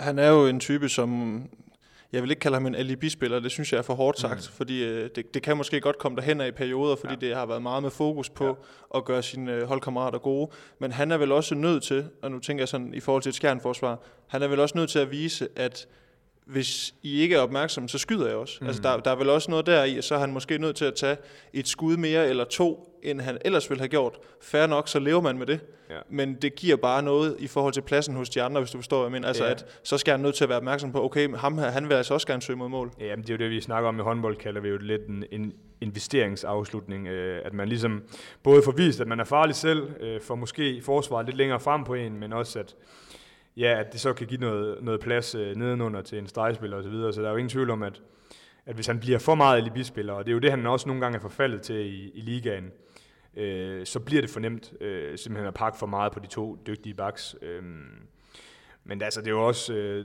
der er også andre muligheder. Altså, man kan jo også godt spille både med, med Lasse Møller og, og Lærke. Samtidig Gissel har også været inde og gøre det rigtig godt. Så det er jo derfor, at der har de jo noget mere bredt, end Skjern har. Øh, eller de bruger i hvert fald deres bredde noget mere, end Skjern gør. Så, øh, så der er jo mange muligheder i, i den øh, del af banen for dem, men øh, det er vigtigt, at, at Puyol ligesom får, får vist, at han er farlig selv, og selvfølgelig er hans øh, vigtigste opgave at få sat noget flow i spillet og få sat sin baks op, men omvendt skal han også nogle gange øh, få sat sig selv lidt i scene, øh, og jeg synes, at øh, det han er rigtig stærk på, er jo at, at komme øh, ligesom øh, på kant, øh, fordi han er en lille spiller, og han er en hurtig spiller, øh, så kan han få sat nogle, øh, sig selv i nogle situationer øh, isoleringsmæssigt øh, på nogle baks, så, så tror jeg, det vil være rigtig fint også. Og en, også, også en uh, temperamentsfuld spiller har vi fået set i den her semifinalserie. Der er i hvert fald også et ild og temperament i ham. Mm. Investeringsafslutning, den vil jeg lige notere mig og tage med hjem i klubben, fordi den havde jeg ikke hørt før. er det nogen, du har taget mange af? Øh, ja, men øh, ikke så meget på det seneste, men øh, det skal jo til nogle gange. Øh, altså, jeg har normalt ikke været bange for at skyde, så øh, det er fint. Er det noget, man sådan lige kigger ud på bænken og siger, at det var, den her det var en investering, hvis der er nogen, der brokker sig over, at øh, det var lige et skud for meget? den kan man godt nogle gange kalde, ja. Nå, jamen, den, den var ny for mig. Uh, en sidste ting, inden at vi lukker den her semifinal af, uh, Rasmus, og det var også uh, noget, vi lige sad og ventede lidt inden, og det er ikke fordi, vi skal grave sådan sindssygt meget i det. Der blev også lavet interviews om det inden kampen. Uh, men der kommer jo en historie inden den her semifinal mellem Gok og, og, og Skjern. Nu skal jeg lige huske rundt i de her semifinaler. øh, der, øh, der mønter sig på Emil Nielsen, Skjerns målmand. Øh, det var TV2 Sport, der havde den historie om, at øh, der var en udtalelse fra Nikolaj Jakobsen, landstræner, der sagde, at øh, Emil han ikke overholder kravene som seriøs sportsmand. Og den her kritik gik jo så på, at, øh, at Skjernkeeperen ikke havde overholdt nogle aftaler, som var lavet mellem landstræneren og DHF og, og så Emil Nielsen. Øh, Rasmus, hvad tænkte du egentlig, da du hørte den historie? Jeg tænkte, at jeg var overrasket over, at sådan noget skulle ud i pressen. Øh, men det kan der jo selvfølgelig være rigtig mange grunde til. Øh, jeg tror bare ikke, at, at det måske er den rigtige måde at gøre det over for Emil på. Øh, Emil har jo brug for noget øh, hjælp i forhold til det, og det er selvfølgelig svært at, at vide, hvad der er sket på de indre linjer, men øh, jeg synes det sagtens, man kunne have gjort det, eller man kan gøre det på den måde, som man ligesom har valgt. Det er jo, det er jo klart, at Emil skal ligesom øh, vise, at han vil det, øh, og selvfølgelig forholde sig til, eller overholde de programmer, der er lavet osv., øh, men at komme ud med det i pressen, forstår jeg ikke helt. Øh, men der kan, der kan være nogle ting, og det kan jo være, at man ligesom prøver at få et wake-up call fra, fra eller gøre det til et wake-up call øh, til Emil, at det her det er til sidste chance. Øh, at du, du ligesom skal steppe op. Men jeg tror langt mere på, at, at et nyt træningsmiljø, et, et nyt land, øh, at han nu skal til Frankrig, kan, kan, vende, øh, kan vende det for ham, og gøre, at han ligesom øh, ja, bliver en mere seriøs sportsmand. Det tror jeg langt mere på, øh, kan være med til at hjælpe ham, end at man går ud i pressen og ligesom lægger det her pres på ham. Øh, så øh, der kan ligge rigtig mange ting til grund for det, men som jeg ser det, så er det ikke den rigtige måde at gøre det på. Emil Nielsen har jo selv siddet i, i Mediano håndboldregi. Vi talte, jeg var i Skjern og besøg hvor han talte omkring det her med, at han måske ikke altid har følt, at han passede ind i de her øh, kasser, øh, som der nogle gange kan være i, i håndboldsporten. Og det, det kan jo godt være noget af det, der clasher her. Det kan vi selvfølgelig ikke vide. Øh, men det lugter vel også lidt af, som du siger. Øh, det er ikke fordi, vi sådan skal tolke helt vildt meget på det, men man kan vel godt kalde det en lille presbold. Altså at, øh, ja Emil, du er en rigtig dygtig målmand, men altså, der er det her men, at... Øh, nu skal du også vise, at du er det uden for banen. Ja, ja, men altså, der, der, der må jo ligge noget til grund for at komme med sådan en udtalelse, og der er jo selvfølgelig en kæmpe stor signalværdi i at gøre det. Øh, og som jeg siger, så tror jeg også, at, at det måske er gjort for, at det kan blive et wake-up call for ham, at, at øh, nu, øh, nu gælder det altså. Øh, men omvendt, øh, så synes jeg bare, at, at jeg tror, at det havde været bedre at tage det internt, fordi jeg ved i hvert fald fra mig selv af, at hvis, hvis det havde været mig, hvor der havde kommet sådan noget i medierne omkring mig, så, øh, så tror jeg ikke, at det var blevet bedre. Jeg, altså slet ikke midt i et slutspil, øh, hvor det er så vigtige kampe og sådan noget, så tror jeg på, at, Øh, så var jeg blevet, for det første var jeg blevet rigtig ked af det. Jeg synes i, det, i øvrigt, øh, Emil forsvarer rigtig godt på tiltale og forholder sig til tingene fint, men jeg tror bare, at der er rigtig mange, som ikke vil kapere, at, at sådan noget kommer ud til, til pressen, og at folk peger fingre ind lige pludselig øh, på en helt anden måde, end, end man tidligere måske har oplevet. Så øh, jeg kan bare kun tale for mig selv, og så kan jeg sige, at jeg tror hellere, jeg vil have haft, at det blev holdt internt, øh, og det tror jeg også ville have hjulpet mig mere. Hvis jeg sagde, at det her det var den sidste ting i forhold til, til Gok og Skjern, så er der lige en sidste, sidste ting så. Mm. øh, fordi jeg er jo blevet rigtig glad for at bruge det her ord indflyvningshøjde, som jeg jo har lært af den kære Peter Brygman, chefredaktør på, på Mediano. Øh, Rasmus, indflyvningshøjden, hvis vi taler den her tredje DM-semifinale, der bliver spillet øh, torsdag aften, to dage fra nu.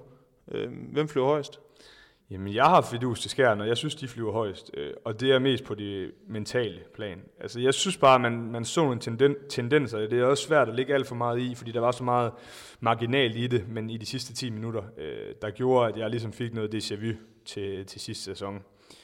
Øhm, så jeg tror, at skærm øh, klarer, klarer det faktisk. Øh, jeg vil så også sige, at jeg håber selvfølgelig også på det, men det umiddelbart plejer at være relativt objektiv, hvad angår de ting, øh, og jeg synes bare, at, at mentalt tror jeg på, at Skjern er øh, et andet og et bedre sted, end GOG er.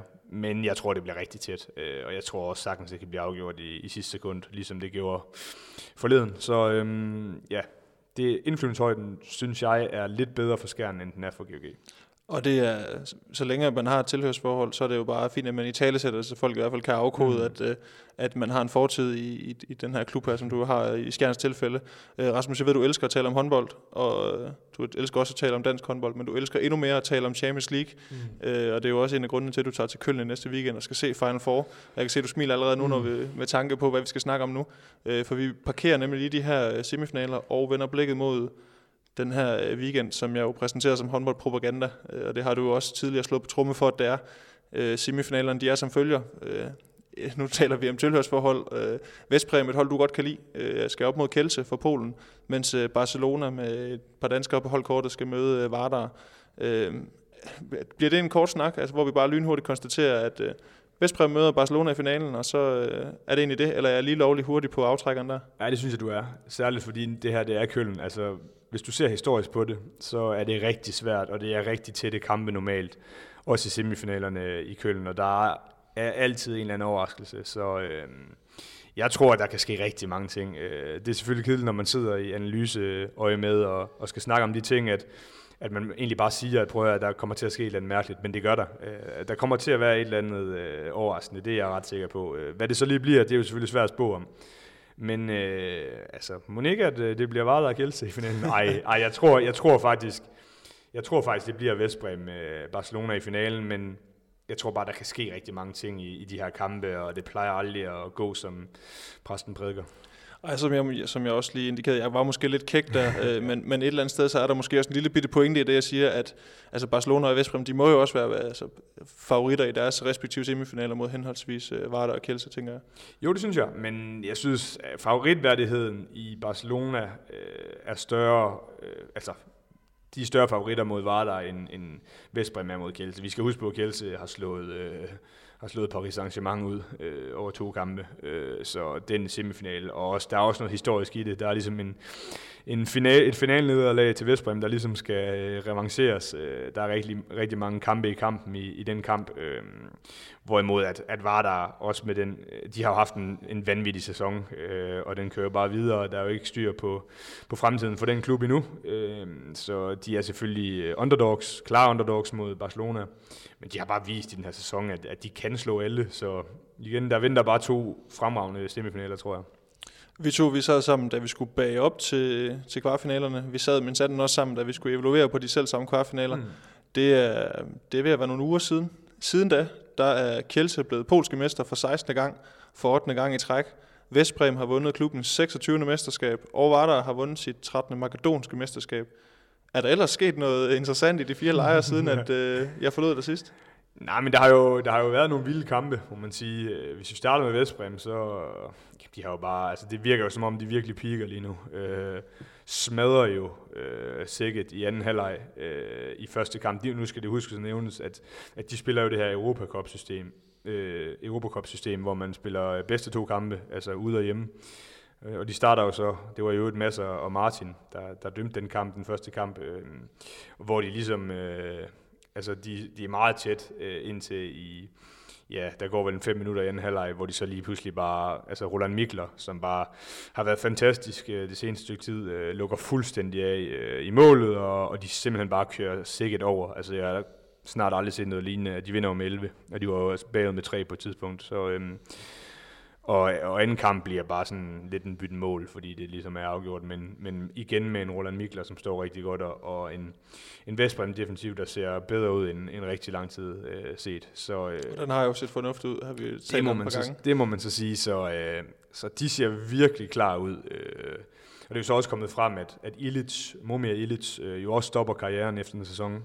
Så både Natch og Illich har, har sidste kampe øh, for, for Vestbrem, som ligesom ja, har, de har sat et kæmpe præg på klubben og, og været rigtig mange sæsoner i, i Vestbrem, så det ville være lidt, lidt flot, hvis de ligesom kunne, kunne slutte af med den helt store titel. Øh, hvis vi så tager, øh, tager øh, Kjelse, så var det lidt mere tæt. Øh, spillet en, en altså det er jo, de møder jo Plok øh, i, i den polske øh, finale, og det er jo det, vi kalder Holy War.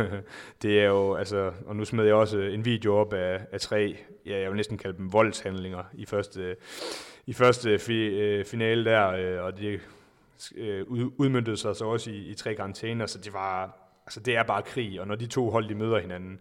Nu har jeg jo så også øh, haft en, en, eller en cheftræner i den her sæson, Lars Valter, men også øh, en assistenttræner i, i noget af sæsonen, øh, Morten Sejer, som begge to har været i, øh, i Plok, og som vandt mesterskabet, senest øh, Plok vandt øh, mesterskabet i Polen, og, og de fortæller jo også nogle vanvittige historier, men det er bare krig. Øh, så det var svært, jeg sad og så begge kampe, men det var svært at udlede rigtig meget af det, øh, udover at Kjelse ser stærk ud, og at øh, de spillede øh, en, rigtig, en rigtig fin øh, finaleserie, øh, hvor de sådan sikkert vandt. Øh, I Makedonien var det jo selvfølgelig klart var der, der var bedst. Øh, de formåede jo at tabe øh, pokalfinalen til Metalurg. Det var meget overraskende, men det, det er noget tid siden. Øh, men de vandt sikkert øh, mesterskabet, og det var der ikke så meget i. Og Barcelona, de vandt jo mesterskab for lang, lang, lang ja. tid siden. Det var nærmest uh, lang tid inden vi overhovedet begyndte at snakke om kvartfinaler, var det ikke det? Jo, det var det. De er jo bare fuldstændig suveræne. De har godt nok lige et par svipser per sæson nu her, og det er jo egentlig dejligt nok, at de ikke bare vinder det hele, men, men de er meget, meget suveræne i Spanien, og det er jo selvfølgelig rigtig ærgerligt, men det er en længere snak. Ja, det, det er et helt podcast for sig. Ja. Uh, Rasmus, jeg ved, at du er glad for historik, og du er glad for Champions League-historik. Uh, og også, når man sådan kigger på sådan Final Four-format, uh, Første semifinal spilles lørdag kl. 15.15. Nummer to spilles kl. 18.00. Hvor stor en fordel er det egentlig at spille den, for den tidlige semifinal? Mm, jamen, jeg fandt jo lidt statistik på det. Øh, altså umiddelbart, øh, i forhold til at vinde det hele, der er det ikke sådan, der er en lille overhånd i forhold til at spille den første semifinale. Det giver jo selvfølgelig noget længere restitutionstid, men det er så, hvad det er. Men øh, man startede jo egentlig med at trække det her, det gør du altid, og der blev det jo egentlig, første semifinale bare lagt op til at være øh, Barcelona mod Vardar. Øh, øh, men så kan man så af tv-mæssige øh, grunde, eller hvad det nu er, der kan man lave det om, og det er så blevet, det er så blevet lavet om, sjovt nok, til at det øh, bliver øh, Kjell til Vestbrem, der bliver første, første semifinale, og øh, Barcelona, jeg smed jo lidt op øh, på noget statistik på Barcelona, som aldrig har vundet en øh, semifinale, hvis de spiller den scene, øh, og aldrig har tabt en semifinale, hvis de spiller den første. Så øh, det er jo selvfølgelig lidt ærgerligt, statistisk i hvert fald, at de øh, lige bliver byttet rundt der. Øh, hvor meget man skal ligge i det, det ved jeg ikke, men der er jo selvfølgelig noget, og vi snakker jo også om det her med det vanvittige kampprogram i, i håndboldverdenen, og det er jo på en eller anden måde vanvittigt, at, at man skal afgøre den helt store ting her øh, på to dage, øh, på, under, eller på under 24 timer, tror jeg faktisk det er, hvis du spiller den sene kamp jo. Så øh, det er selvfølgelig noget i forhold til restitution, men der er bare så mange ting, der spiller ind i, i køllen, øh, og det har også vist sig i alle årene, at, at der er så mange andre ting øh, ud over restitutionstid, som spiller ind, så jeg ved ikke, hvor meget det har at sige, men øh, det kan godt være, hvis Barcelona spiller og ser, øh, ser den her øh, statistik, øh, at de måske lige rynker lidt på næsen, men omvendt så er statistik jo også til for at blive brudt, så må ikke, at de ligesom får udlagt den her stime for dem. Man kunne jo godt have spillet den semifinal om fredagen, kunne man ikke det? Jo, og det er jo også det, man snakker om, at man vil lave om. Øh, det ville jo være fedt. Øh, omvendt synes jeg jo også bare, det er ærgerligt, at at øh, en finale også bliver spillet om søndagen. Det har jeg jo aldrig rigtig forstået. Der er jo også lidt der i forhold til noget fest og så videre, men det lever vi nok med. Men jo, jeg synes i hvert fald, der skal være øh, en dag imellem to så vigtige kampe. Øh, ja. Jeg ved, øh, det er et helt andet spor, men jeg ved at man i hvert fald sådan en ren festivalmæssigt, nu er der en øh, festival i, Aarhus, i Aarhus, der hvor jeg kommer fra, der hedder Northside, den har man også flyttet for at undgå sådan en søndagsfest, så det må kunne lade sig gøre et eller andet sted. Øhm, nu har vi kredset lidt omkring de her, de her semifinaler. Jeg synes, vi skal dykke ned i den første af dem. Øh, Vestpræm mod Kjelse. Øh, vi har gang på gang, og jeg, vi har allerede også i dag talt om det, øh, Ungarnes stenhårde betondefensiv. Mm. Øh, tror du, at Kjelse har redskaberne til at nedbryde den? Umiddelbart nej. Øh, altså, men omvendt, de har så mange redskaber offensivt. Selvfølgelig, selvfølgelig kan de gøre det, men jeg tror, at, at det bliver afgørende, at i min optik, Vestbrems defensiv er så meget bedre, øh, end Kjelses er. Øh, også kvæg, at jeg synes, at Vestbrem har det bedste målvogterpar øh, i turneringen, og det spiller selvfølgelig også rigtig meget ind. Øh, jeg har det sådan lidt med, at når jeg bliver spurgt, og det har jeg også nævnt tidligere, når jeg bliver spurgt om, hvem der er favoritter ved, ved en Final Four så kigger jeg altid på, hvem der har det bedste målvogterpar. Øh, så, og det synes jeg, de har, så, så derfor er Vestbrem mine favoritter til at vinde det hele øh, i år. Så, øh, men når det så er sagt, øh, for at svare på dit spørgsmål, så har Kielse bare rigtig mange ting offensivt, de kan gøre. Det så man også mod Paris, som jo også har et fantastisk dygtigt forsvar. At, at Sindrits øh, er på sit højeste igen og kommer med noget fart, og hans samspil øh, med, Øh, Alex Dushibayev øh, kan måske sammenlignes lidt øh, med Janus og, øh, og Omar, som vi snakkede om tidligere, bare trods alt på et lidt højere niveau, men øh, det er jo noget fart. Øh, og de er begge to rigtig dygtige til ligesom at få sat Kulesh øh, i scene, den store hviderussiske vensterbak, som ligesom har taget over for Bileski, men er meget samme type, øh, skyder rigtig, rigtig meget, øh, eller rigtig, rigtig hårdt og fra store distancer. Så de har jo nogle ting, øh, og de har jo også øh, et stregpar, som vi også har nævnt tidligere, som er fantastisk dygtigt, og som er god til at variere. Øh, Agina Galle, som alle jo kender, og som har det her øh, den her fantastiske fysik, og, og Kaderlæg, som også har en fantastisk fysik, men som er lidt mere øh, bevægelig. Øh, så de har mange ting, øh, de kan gøre offensivt, øh, også en, en stærk kontrafase. Men når det så er sagt, så tror jeg altså, at, øh, at Vestbrems øh, defensiv, som den har set ud de, den seneste måned, halvanden, øh, at den bliver rigtig svær at nedbryde for dem. Statistikker, Rasmus, mm. dem øh, har jeg også kigget lidt i, fordi mm. som du siger, det kan godt være, de er til for at blive brudt, men man kan jo også, øh, ja, det skal aldrig blive sandhed, men det kan være en meget sjov krykke at læne sig op af, som jeg mm. plejer at sige. Kielse er det hold i Champions League, der har scoret tredje flest mål per kamp altså mm. efter Barcelona og Paris. Mm. Paris er her så ikke mere. Øh, den fik de selv ekspederet ud. Øh, så man kan vel godt sådan fra Pols side have sådan, altså, jeg ved ikke, om man skal sige forholdsvis øh, ro i maven, men i hvert fald sige, når det kommer til at score mål, så er det noget, vi godt kan finde ud af. Altså, det, det viser tallene, at øh, mm. spiller vi, som vi har gjort i løbet af Champions League-sæsonen, så skal vi nok få scoret de mål, vi, vi, vi skal. Det er mere den anden ende, det kommer til at knibe måske. Ja, altså det er jo egentlig en fin analyse af det. Øh, de er dygtige offensivt, og de, de kræver rigtig mange chancer. Øh, men det er også et hold, som løber rigtig meget, og jeg tror også, at hvis du går ned og kigger statistik i forhold til, hvor mange angreb de har i deres kampe, så ligger det også højt i forhold til mange øh, andre hold, som kan spille lidt mere henholdende. Øh, og det er jo også øh, et, et punkt, hvor Vesbrem øh, ligesom er kommet bedre med. De, de er også begyndt at løbe mere, så det kan, der kan komme rigtig mange mål.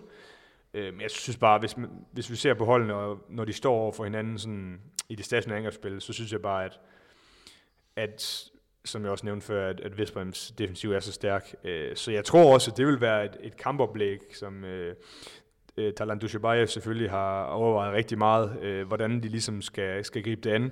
Og jeg tror, de kommer til at løbe rigtig meget. Og det var også det, de havde lidt held med mod Paris, hvor de skabte det her store forspring på 10 mål.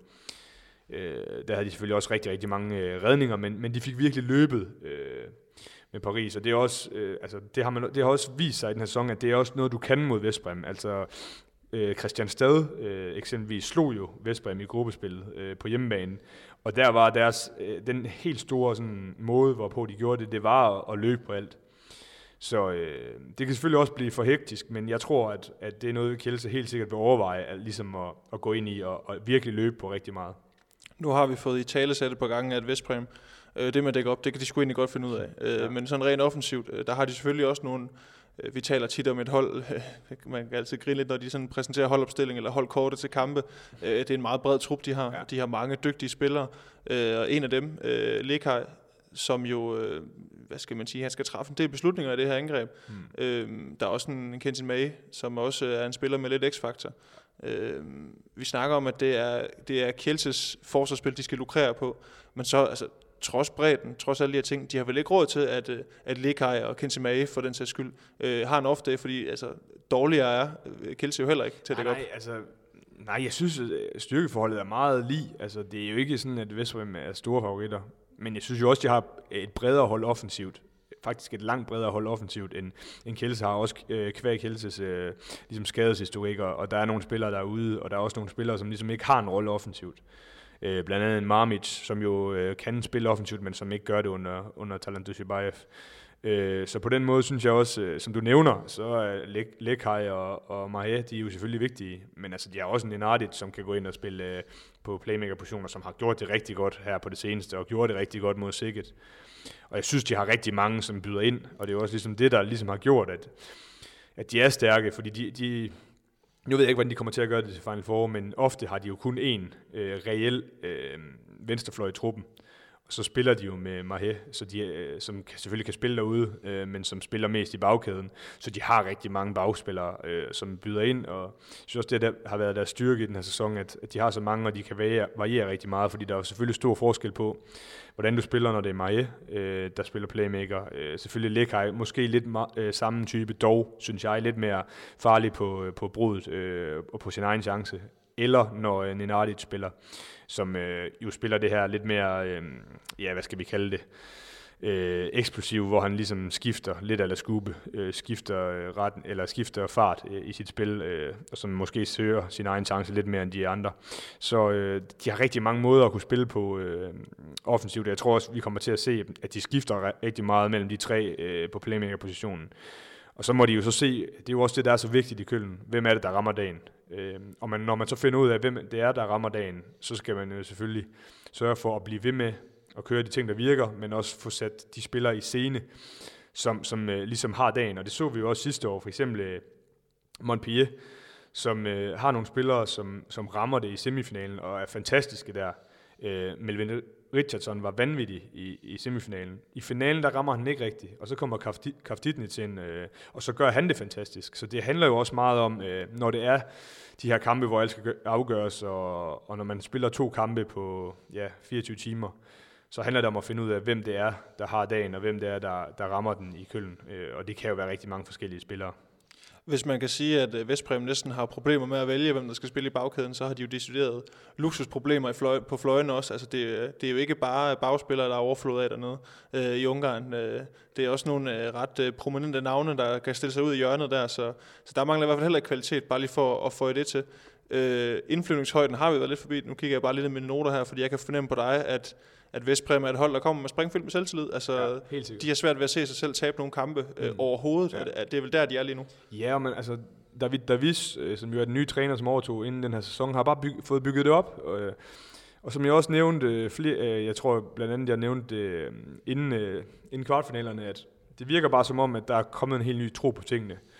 Altså jeg ved ikke, hvad der er sket med Vranjes og spillertruppen, men der, der har i hvert fald været nogle ting, og, og det virker som om, at alt det, det er pakket væk, og der er virkelig nogle tro på tingene, og Nats og Illich øh, stopper karrieren, og de skal slutte ordentligt af, og det er ligesom om den sidste tur med klikken, kan man sige, at, at det bliver vigtigt for dem ligesom at få sluttet ordentligt af, og nu, nu tabte de jo pokalfinalen så, øh, i Ungarn, og så formoder de så at vinde mesterskabet igen. Øh, så det har selvfølgelig givet nogle nye tro på, øh, noget nyt tro på tingene. Øh, men jeg synes bare, det er et forvandlet Vestbrem-hold, som, som har meget mere tro på tingene, og som jo har fundet frem til noget øh, defensivt øh, stabilitet, øh, som gør, at der, der er en helt anden ro. Øh, og det betyder selvfølgelig også noget, at man så lige pludselig har fået en stærk igen. Øh, nu synes jeg, Mikler har, har været fantastisk, og det har han jo også været tidligere sæsoner. Måske lidt en undervurderet målmand som, øh, som jo virkelig øh, står stabilt og godt. Øh, men altså, man har også set Sterbik tidligere i, i øh, final, ved et Final Four men også ved, ved slutrunder, når det sådan ligesom skærper til, øh, og når det skal afgøres, øh, at man så har sådan en trumfkort som ham, det tror jeg også bare kan være med til ligesom at, at gøre, at, at der kommer endnu mere tro på tingene i, i Vestbremlejren. Så jeg tror, deres indflytningshøjde, den kunne snart ikke være bedre. Vi taler øh, David Davis på Vestbrem-bænken, og han får lige et par rosnord med på, på vejen for dig. Og hvis vi sådan øh, taler træner-duel, uh, og man taler Kielse, så er det jo også svært at, at komme udenom om Dutjebaev, uh, en mand, der i løbet af sin trænerkarriere både har vist sig at være gal og genial, kan man mm. vist roligt sige. Uh, der er i hvert fald nogle episoder, som man også kan finde, uh, hvis man kigger lidt uh, ind på YouTube og sådan nogle steder, uh, mm. hvor han uh, havde lidt svært ved at styre sig. Uh, men det til side, den her duel her, de to, uh, kunne det godt blive sådan en meget taktisk affære, altså forstået på den måde, at, at vi kommer til at se to trænere, der måske vil udfordre hinanden lidt, og måske også, jeg vil ikke sige tage røven på hinanden, men måske også forsøge at overraske lidt. Ja, men det er nok spørgsmål, hvor meget de kan overraske hinanden. Øh, altså, de kender jo også hinanden, øh, og det er jo den her spanske stil, begge kører med. Så øh, hvor meget de lige kan overraske hinanden, det er jo også to hold, som har, har mødt hinanden øh, i gruppespillet. Øh, det er jo alle sammen, øh, alle hold øh, ved Final Four er jo, er jo hold for gruppe A, så det er jo sådan lidt... Øh, lidt vildt, kan man sige. Så de, de kender hinanden godt, og de har også mødt hinanden tidligere i, godt nok ikke David Davis, men, men at de har mødt hinanden tidligere, øh, spillerne, øh, også ved Final Four. Så jeg ved ikke, hvor meget man kan overraske med. Øh, og som jeg nævnte før, jeg ved ikke, hvor meget overraskelse der er i, at, at Dushibayev nok øh, vil gøre alt for, at, at der kommer fart over feltet, og at, at Kjelse virkelig, selvfølgelig, der kommer til at være så sindssygt meget fysik i den kamp her. Det glæder jeg mig jo selvfølgelig rigtig meget til, øh, og håber, at, at der ligesom bliver givet lov til det. Øh, men omvendt, at, at, at hvis Hjelses ligesom filosofi er at løbe på alt, så ved jeg ikke, hvor meget taktik der er i det, øh, og hvor meget øh, sådan, man ligesom kan gøre i forhold til det. Øh, selvfølgelig kan Vestbrem passe endnu mere på, på bolden, øh, end de gør i forvejen måske, men, men nej, jeg tror, der kommer fart over feltet. Jeg tror, der, det, bliver, det bliver voldsomt. Det, det bliver med, med sindssygt meget fysik. Øh, så hvor meget taktisk de ligesom kan gøre over for hinanden, det synes jeg er svært at svare på. Da vi talte øh, Aalborg mod BSV, der talte vi også om en, en, nogle playmaker-typer, som måske minder lidt om nogle af dem, som man ser i det her Final Four. Og nu er det ikke, fordi vi skal sidde og gentage os selv, fordi vi har talt omkring, hvordan den her playmaker-type måske har, har ændret sig lidt her på de her europæiske tophold. I hvert fald hvis man går sådan en, som du sagde, en 10 år tilbage, hvor det måske der, der var det meget flækker, øh, og folk, der kunne noget for distancen. Øh, og i Kelse har man jo en Lucas Sintes, har vi også talt om ham mange gange, øh, og det gør det jo ikke mindre rigtigt, det vi skal sige nu, eller det du formentlig kommer til at sige nu, fordi øh, succes for Kelse, det er vel lige med, at Sintes spiller en god kamp, fordi deres offensiv er vel også meget borget af, at øh, det er ikke den samme bredde, som man ser i Vestpræm. Altså det, det er vel meget på op på, at Lucas Sintes, han skal bare spille en god kamp, fordi ellers så scorer vi ikke de der 31,6 mål, eller hvor meget det var, de scorede på kamp. Jamen lige nøjagtigt. Altså, han, og det synes jeg også, at han har jo været meget skadet øh, i den her sæson, men når han ligesom nu er kommet tilbage, så har det også gjort sindssygt meget for Kjeld, så der er jo ingen tvivl om, at havde han ikke været med mod Paris, så havde de været chanceløse. Altså, det er reelt ham, der ligesom får dem tilbage i kampen, da de er nede med 11 i Paris. Der går han ind og tager det ansvar, som vi ved, han kan tage, og han har jo vist, trods sin sådan unge alder, at han, han er bare en leder, og der var der vendt i Køln, der var det jo også ham. Selvfølgelig var det Sterbik, men offensivt var det ham, og det var også ham, der afgjorde det i, i semifinalen mod øh, Barcelona, hvor han ligesom scorer i sidste sekund øh, på et hopskud. Det er så selvfølgelig ikke så, så vanligt for ham, men, men han er bare en leder og en, en spiller, som det er tydeligt, at han går forrest, og han er ikke bange for, for at tage, tage chancer, men også for at sætte spillet. Så øh, altså, som du siger, rammer han ikke niveau, øh, så tror jeg, det bliver rigtig, rigtig svært for, øh, for Kjelse. Så skal de i hvert fald finde noget, øh, noget helt nyt op øh, af hatten. Det er meget sjovt, du hiver det her eksempel frem med, med den her øh, semifinal mellem øh, Barcelona og Vardar øh, i 2017, hvor de jo mødtes det også nu. Tænker vi, vi glider lige over og taler om den her kamp, der kommer nu, nemlig, som jeg sagde, Barcelona mod ja. Vardar. Øh, fordi der er jo også lidt, øh, der er noget forhistorie, øh, og du, øh, du elsker jo forhistorie, øh, kan jeg fornemme. Øh, det fylder vel også noget i optakt til sådan en weekend. Nu har vi talt om Barcelonas motivation, og det her med, at selvforståelsen jamen, øh, et spansk mesterskab, det giver sig selv. Det er Champions League, man spiller for. Ja. Øh, det må vel også fylde lidt, at man har den her historik med Vardar. Det, det, det er vel næppe mindre benzin på bålet, end øh, man har i forvejen. Nej, altså det, det betyder jo altid noget, og altså de her indbyttes ting. At der, jeg vil så sige, når det er de her topspillere, så er der, altså du kan altid næsten finde øh, et tidspunkt, hvor man har lidt et hårdt nederlag, så kan det være på landshold eller, eller så videre, men, men der er ingen tvivl om, at det der nederlag mod, mod Vardar, øh, Barcelona øh, i sin tid, øh, i 17, som du sagde, det, det gjorde rigtig ondt, også måden det skete på. Øh, så det vil man selvfølgelig gerne revancere. I det hele taget vil Barcelona jo være et hold, der vinder Champions League, og det er jo det, de er sat i verden for. Og det er jo efterhånden noget tid siden, de har gjort det. Så, så på den måde, så er det bare vigtigt. Øh, og når man så møder et hold, som, man ligesom, som har ødelagt drømmen for en tidligere, så vil man jo rigtig gerne slå dem, men omvendt, øh, så har de også byttet rigtig meget øh, på mandskabet i, i Vardar, så, så det er et rimelig nyt hold, øh, og jeg tror, at de kommer op af bowlen øh, til lodtrækning, så tror jeg også, at Barcelona var ganske fint tilfreds. Fordi selvom de har leveret så fantastisk i den her sæson, så skal vi bare huske på, at det er et hold, der virkelig øh, er presset i forhold til, at man, de ved jo ikke, om de har en kontrakt næste sæson, de fleste af spillerne. Øh, Bodosan er væk, øh, også på grund af de her finansielle problemer. Og, øh, Øhm, men de har selvfølgelig vist, øh, også mod Sækket over, over to kampe, at, at det virker som om, at de bare rykker endnu tættere sammen, og nu, nu lyder det til også, at, at Dissinger øh, bliver klar til de her øh, Final Four kampe, øh, og det gør jo selvfølgelig, at deres bredde bliver lidt større, øh, fordi det var jo meget det var jo meget Skube, det var jo meget Karasic, som skulle spille sammen. Øh, det kan selvfølgelig give noget, noget mere bredde øh, offensivt øh, i deres spil. Øh, men øh, lad os nu, nu se, om de ikke kan, kan gøre noget ved det, var der. Altså, der er jo ingen tvivl om, som jeg også sagde før, at, at Barcelona på papiret har et stærkere hold, øh, og, men der er bare mange ting, der spiller ind, og, og Vardars sæson har været fænomenal, og det virker som om, at, at de virkelig bare har fundet hinanden, og jeg tror, at det kan sagtens være, at det egentlig bare har gjort holdet endnu stærkere, at der er de her finansielle problemer. Øh, ja.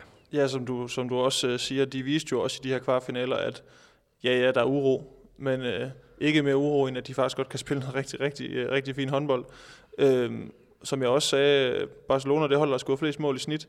Øh, det må jo også være det, der er bekymringen for Vardar, at øh, hold nu op, hvor skal vi, nu siger vi i Vardars tilfælde, op og score mange mål for at slå de her Spanier. Ja.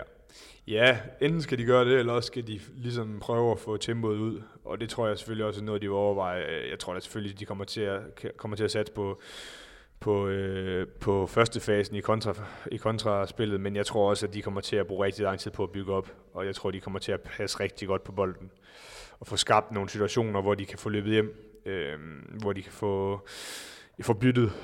De har jo en del spillere, som gerne skal ud i forsvaret, og det bliver jo et stort øh, puslespil for dem, hvordan de ligesom skal gøre det.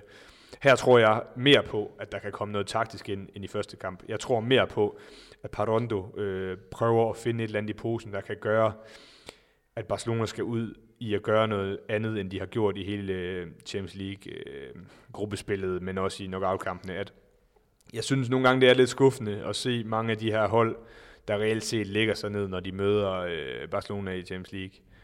Hold, som prøver at løbe med dem, altså blandt andet Christian Stade, som når de møder Barcelona, så, så, så prøver de simpelthen bare at følge med, og det, det kan man ikke. Altså det er umuligt i over 2 gange 30 øh, med det hold, som de har lige nu Barcelona. Øh, der er det altså nogle andre ting, man skal spille på, og der er jeg virkelig spændt på at se, hvad Pardondo han har i ærmet, altså hvad, hvad han kan finde frem, øh, hvad kan man gøre for ligesom at få det her, den her kamp ned på et niveau, hvor de kan være med målmæssigt. Øh, så, så det er jeg virkelig spændt på, øh, hvad, hvad han ligesom finder frem, og, og omvendt ligesom også, hvordan de reagerer på det, hvis der kommer et udspil, øh, hvordan øh, Barcelona de får reageret på det. Øh, så der er rigtig mange ting i, i den kamp, som jeg glæder mig til ligesom at se, øh, fordi at, som vi sagde før, Kjelse var der, de kommer ikke til at overraske hinanden ret meget.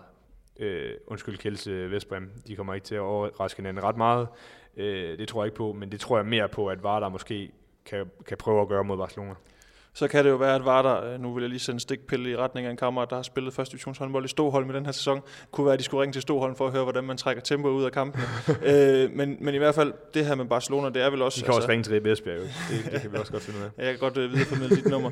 Øh, Rasmus, men far mod Barcelona er jo også netop, netop også, nu siger du det her med at passe på bolden. Altså, det er svært at undgå at have udfald i løbet af en kamp, ja. og den perfekte håndboldkamp er ikke blevet spillet endnu. Mm. Øh, det kan være Vardar, de gør det øh, på, ja. på lørdag. Øh, held og lykke med det. Øh, men faren mod Barcelona er vel også, at når man så har de her udfald, så går det bare rigtig stærkt. Mm. Altså, fire-fem mål, det kan, bare, altså det kan hurtigt ja. blive det, der bare bliver hentet på en 2-3 minutter, fordi mm. Barcelona, altså de slår ikke op i banen, og hvis der er nogen, der bliver trætte på det hold, jamen så sidder der bare en start eller en, en ny kæde klar ikke, til at komme mm. ind og bare pumpe derud af. Ja. Jo, men det har du ret i. Altså, det er jo det, der, der gør det så svært. Men altså, det, omvendt, hvis man bare løber med dem og, og kører det i deres tempo, så går det endnu hurtigere. Så man skal selvfølgelig prøve rigtig meget på i de her perioder, som der kommer i kampe, hvor man ligesom kommer under pres, og hvor man ikke rammer øh, niveauet, at man ligesom får mindsket, øh, så man måske taber 2-0 i stedet for 5-0, øh, eller 3-1 øh, for den sags skyld. Øh, så Ja, det, det, er jo, det, det bliver rigtig svært for Vardar, men det er jo, altså, som vi sagde før, der kan også ske rigtig mange ting i, i Køln, øh, og vi har jo set med som har været en helt stor øh, oplevelse på målmandsposten øh, i den her sæson øh, i Champions League, virkelig været en åbenbaring, øh, den helt unge øh, serber der, at, at han kan virkelig tage fra, Øh, og hvis han gør det, så skal vi også huske, at altså Vardars øh, kontrafase er virkelig også skarp, øh, og de, de har nogle spillere, der er helt vanvittigt atletiske, altså Dibirov, der virkelig kan føre bolden frem, øh, men også øh, ja, kan gå for spids og, og virkelig hurtigt, men, men også når man løber med Kardasic med, med en skube og så videre, der, der er nogle spillere, der kan brænde banen af der også, så selvfølgelig kan de godt øh, udfordre dem lidt i forhold til den her første øh, anden bølge kontra, men, men det skal være velovervejet, øh, og og de skal håbe på, at rigtig meget af spillet kommer til at foregå, øh, foregå i hvert fald øh, i deres ende af banen øh, 6 mod 6. Øhm, og så kan man jo gøre rigtig mange ting for måske også at kyse nogen øh, og tire nogle af de her unge Barcelona-spillere. Altså man har i hvert fald set, at, at sådan en som de kan han kan godt blive tiret. Øh. Så det tror jeg også, det, der kan man godt forestille sig, at sådan en som Divirov måske fik øh, en rolle, hvor han skal frem og, og ødelægge det lidt for ham og tage noget af timing af. Øh, men som du siger, så har de bare nogle nye, der kan komme ind og gøre, gøre tingene svære. Men man bliver jo nødt til ligesom at prøve at gøre et eller andet, øh, set i, øh, i Vardar med, at at man skal finde ud af, hvad det er, øh, der fungerer, øh, som vi også nævnte før, at øh, det handler jo om at finde ud af, hvem der har dagen, og så ligesom finde ud af, hvad det er, der virker, og så virkelig prøve at, at køre med det fuldt ud. Og så er makedoner, eller makedonske tilskuere jo også nogen, der godt kan larme. Så man kan sige, at opbakningen på lægterne, den tænker jeg heller ikke, det kommer til at score på i, i forhold til Vardar.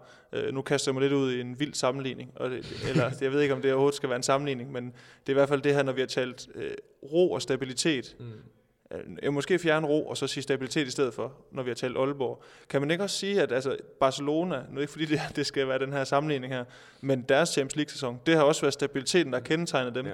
som vi også har talt om tidligere på forhånd. Et hold, som man måske godt kunne se skuffe, som du har sagt, men de har bare været stabile. Altså, det er jo svært at se, at det kan gå galt for dem et eller andet sted. Ja, jo jo, de har været stabile, og altså, så har de så også bare en hjemmebane, hvor altså, det er jo ikke, fordi der sidder så mange, det er først i nok afkampene, men, men de taber næsten aldrig på hjemmebane. Så på den måde giver det selvfølgelig også noget ro, noget stabilitet. Øh, men de har så mange spillere, der, der byder ind, og jeg mener faktisk også, at, at de startede sæsonen med at tabe i, i Rhein Løven. Øh, det må du ikke lige... Øh, det tror du ret, ja. ja og, og, øh, med et mål eller sådan noget, hvor de også de kommer skidt fra start, men så vinder. Altså, det er jo ikke sådan noget med, at lige pludselig, selvom de har en del, en del nye spillere og, og får en dårlig start på, på Champions League, så, så er der jo ikke sådan, at, at der kommer panik overhovedet. Nej, øh, nej der de ved godt, det, det er en lang sæson, øh, og der er mange kampe i Champions League, og det handler om at, og ligesom lige så stille få bygget op til, at, at når kampen skal afgøres, og, og så har de selvfølgelig måske også været, øh, været ganske fint øh, heldige med ligesom at ramme øh, Narnd i, i en sæson, hvor de har haft rigtig mange skader, så de har jo ikke haft en ret svær vej til, det er selvfølgelig også noget, de selv har skabt sig kvæg deres førsteplads øh, i gruppen, at, at de har ikke haft en ret svær veje til Final Four. Så det bliver også spændende at se, øh, når de sådan for alvor kommer øh, under pres, og det gør man jo normalt. Øh, det, det er ikke ret mange gange, øh, der har været Final Four i Køln, hvor der er et eller andet hold, der bare overhovedet ikke har været presset i nogen af enten i semifinalen eller finalen. Så de kommer også under pres på et tidspunkt, og hvordan reagerer de på det? Det synes jeg også er rigtig spændende øh, at se, hvordan det bliver, fordi øh, som vi siger, de har jo også nogle unge spillere, som, og der er også nogle af deres unge spillere, der har rigtig store roller. Men jeg må så sige, at de unge spillere, øh, eksempelvis Fabregas, har jo vist, at, jeg, jeg tror ikke, han kender til ordet pres. Altså, han leverer jo bare øh, fantastisk, uanset øh, hvornår det er, om det er på det franske hold, øh, landshold, om det er for Montpellier, eller om det nu er for Barcelona, så leverer han jo i begge ender af banen 2 gange 30 så men jeg glæder mig ligesom til at se, at jeg håber, at de ligesom kommer under pres, og hvordan de så reagerer på det, det glæder mig til at se. I talende stund, der er du uh, Ribe Esbjerg spiller i hvert fald lige et par dage nu. Vi sidder her tirsdag den 28. maj, klokken er 17.09, og vi er også ved at nå mod enden af den her podcast her. Men hvis du lige trækker en Vardar trøje over hovedet mm. et par sekunder, og siger, nu er du forsvarsspiller i Vardar, øh, der er vel også noget i forhold til, at jeg ved også, du, har brugt, du, du bruger også meget tid på at forberede dig på de spillere, du skal stå over for. Men når man står som Vardar forsvarsspiller og skal spille mod Barcelona, der, der er lige et par ekstra timers video, end ellers normalvis er. Er det ikke også det? Altså, der er, det er det her med at skulle indstille sig på mange typer. Hmm. Det, er jo, det er vel svært at være Vardar forsvarsspiller i den her kamp, fordi jamen, så kan det være, at du i et angreb skal forholde dig til Lasse Andersen, og så angreb efter, så kommer der en, der er mere duelstærk. Jeg skal forstå, hvad jeg mener. Ja, ja, ja. Det, det, det, er vel også, det er vel også noget af det, der gør det svært for Vardar.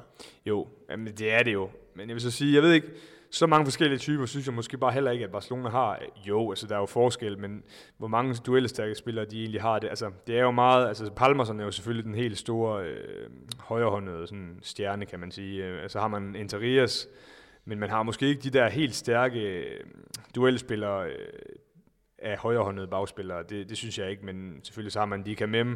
Man har en Dullenet, som ikke har den så stor en rolle lige nu, fordi Dika Mem bare er så god. Jeg ved ikke, altså så mange forskellige typer, synes jeg faktisk måske ikke engang, de har øh, Barcelona, men der er jo ingen tvivl om, man skal jo, det er jo selvfølgelig nogle forskellige skudformer, øh, afhængig af, hvem man, man rammer øh, af spillerne, men jo, der er jo rigtig, selvfølgelig kommer de til at forberede sig helt vanvittigt meget, og jeg ved også, at den spanske stil ligesom er, at, at man skal øh, se lidt ekstra video i forhold til, hvad vi måske gør heroppe øh, i Skandinavien, så må ikke, at der bliver brugt lidt timer på det, øh, og så tror jeg altså, normalt, jeg synes også været kendetegnende for Vare den her sæson, at de har været rigtig godt indstillet, øh, og de kan variere rigtig meget øh, defensivt, der også gør, at, at de måske også ligesom kan agere. Det snakker man jo rigtig meget om også i håndbold, man skal agere i stedet for at reagere. Så som jeg sagde før, så håber jeg lidt, at Pardondo han har lidt, øh, han har lidt i, i posen, og det tror jeg særligt er defensivt, at han kan finde noget i den pose, og så prøve at finde ud af, hvad det er, der kan, ligesom kan gøres for ligesom at stikke de her mange fantastiske Barcelona-spillere.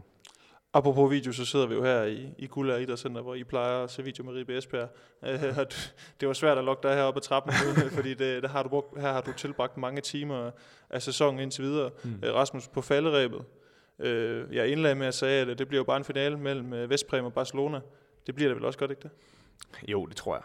Uh, det, det vil også være fedt, synes jeg. Altså det, jeg synes, det er de to bedste hold. Det, det, jeg synes, det har været de to bedste hold den her sæson.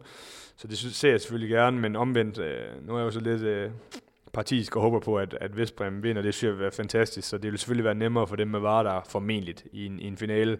Så det kunne jo være rigtig fint, men jeg tror, det bliver Barcelona og Vestbrem. Øh, og så bliver den sikkert afgjort i straffekast, og så vinder Vestbrem forhåbentlig. Så, øh, så har vi også lidt at, at snakke om, når vi sætter os ned på mandag og skal ja, evaluere den her, øh, den her Final Four weekend, og også øh, tale om den her DM-semifinal, der spilles på, på søndag. Rasmus, du skal hjem og være far. Ja, her, eller du er blevet far, men du skal hjem og passe, øh, passe chancen som far. Men det var fedt, du lige gad igen ja, og, og tilbringe lidt tid heroppe i, den her gang i Guld og Center, op i, i videolokalet, som I plejer at bruge her i Ribe Esbjerg. Og god tur til Tyskland i weekenden. Tak for det. Hvad, hvad, hvad nummer gang er det egentlig, du skal derned? Jeg tror, jeg har misset den to gange, så det må være nummer 8 eller sådan noget. Okay, det er også rimelig, rimelig imponerende efterhånden. Ja. så ja, men øh, vi ses på mandag, og så øh, har jeg lovet, at du, øh, du får lov til at sove så længe, som du har brug for, fordi du har en lang tur hjem fra, ja. fra Køln, og jeg har også øh, hørt, at... Øh, nu må vi se, om jeg får lov til at sove længe. Det ja, jeg, for, jeg kan forstå, at du skal køre sammen med, med Jesper Dahl fra, ja. fra Nordsjælland, så det er to øh, skærndrenge, der skal på tur. Ja, altså han er jo hvid dreng, og jeg er ringkæm dreng, men vi kan da godt kalde os skærn dreng. Nej, det var også bare så for en år jeg, ved, det. Jeg, jeg ved, hvad du mener. Uh, ja, det, det skal nok blive godt at, at få ham med dernede, så kan jeg måske lære ham lidt, men uh, nu ser vi. ja, nu ser vi. uh, afslutningsvis skal jeg selvfølgelig også uh, huske at sige tak til Sparkassen Kronoland. Det er jo ligesom deres, øh, hvad skal vi sige, det er deres skyld, at vi kan sidde her igen og igen og igen og tale om en masse håndbold, og de kan få lov til at, at lytte til det kvitterfrit. Så øh, husk lige det, når I lytter til os, at I også lige skænker Sparkassen Kronoland en venlig tanke. Det er ligesom dem, der hjælper os på vej, øh, og det er, vi selvfølgelig, det er vi selvfølgelig rigtig glade for. Også øh, tak til jer, der har lyttet med. Find os lige på de her sociale medier, som jeg altid plejer at afslutte med. Facebook, Twitter, Instagram, øh, din podcast-app, og så tryk lige på abonner, så bliver vi rigtig glade. Tak for i dag, og vi lyttes ved.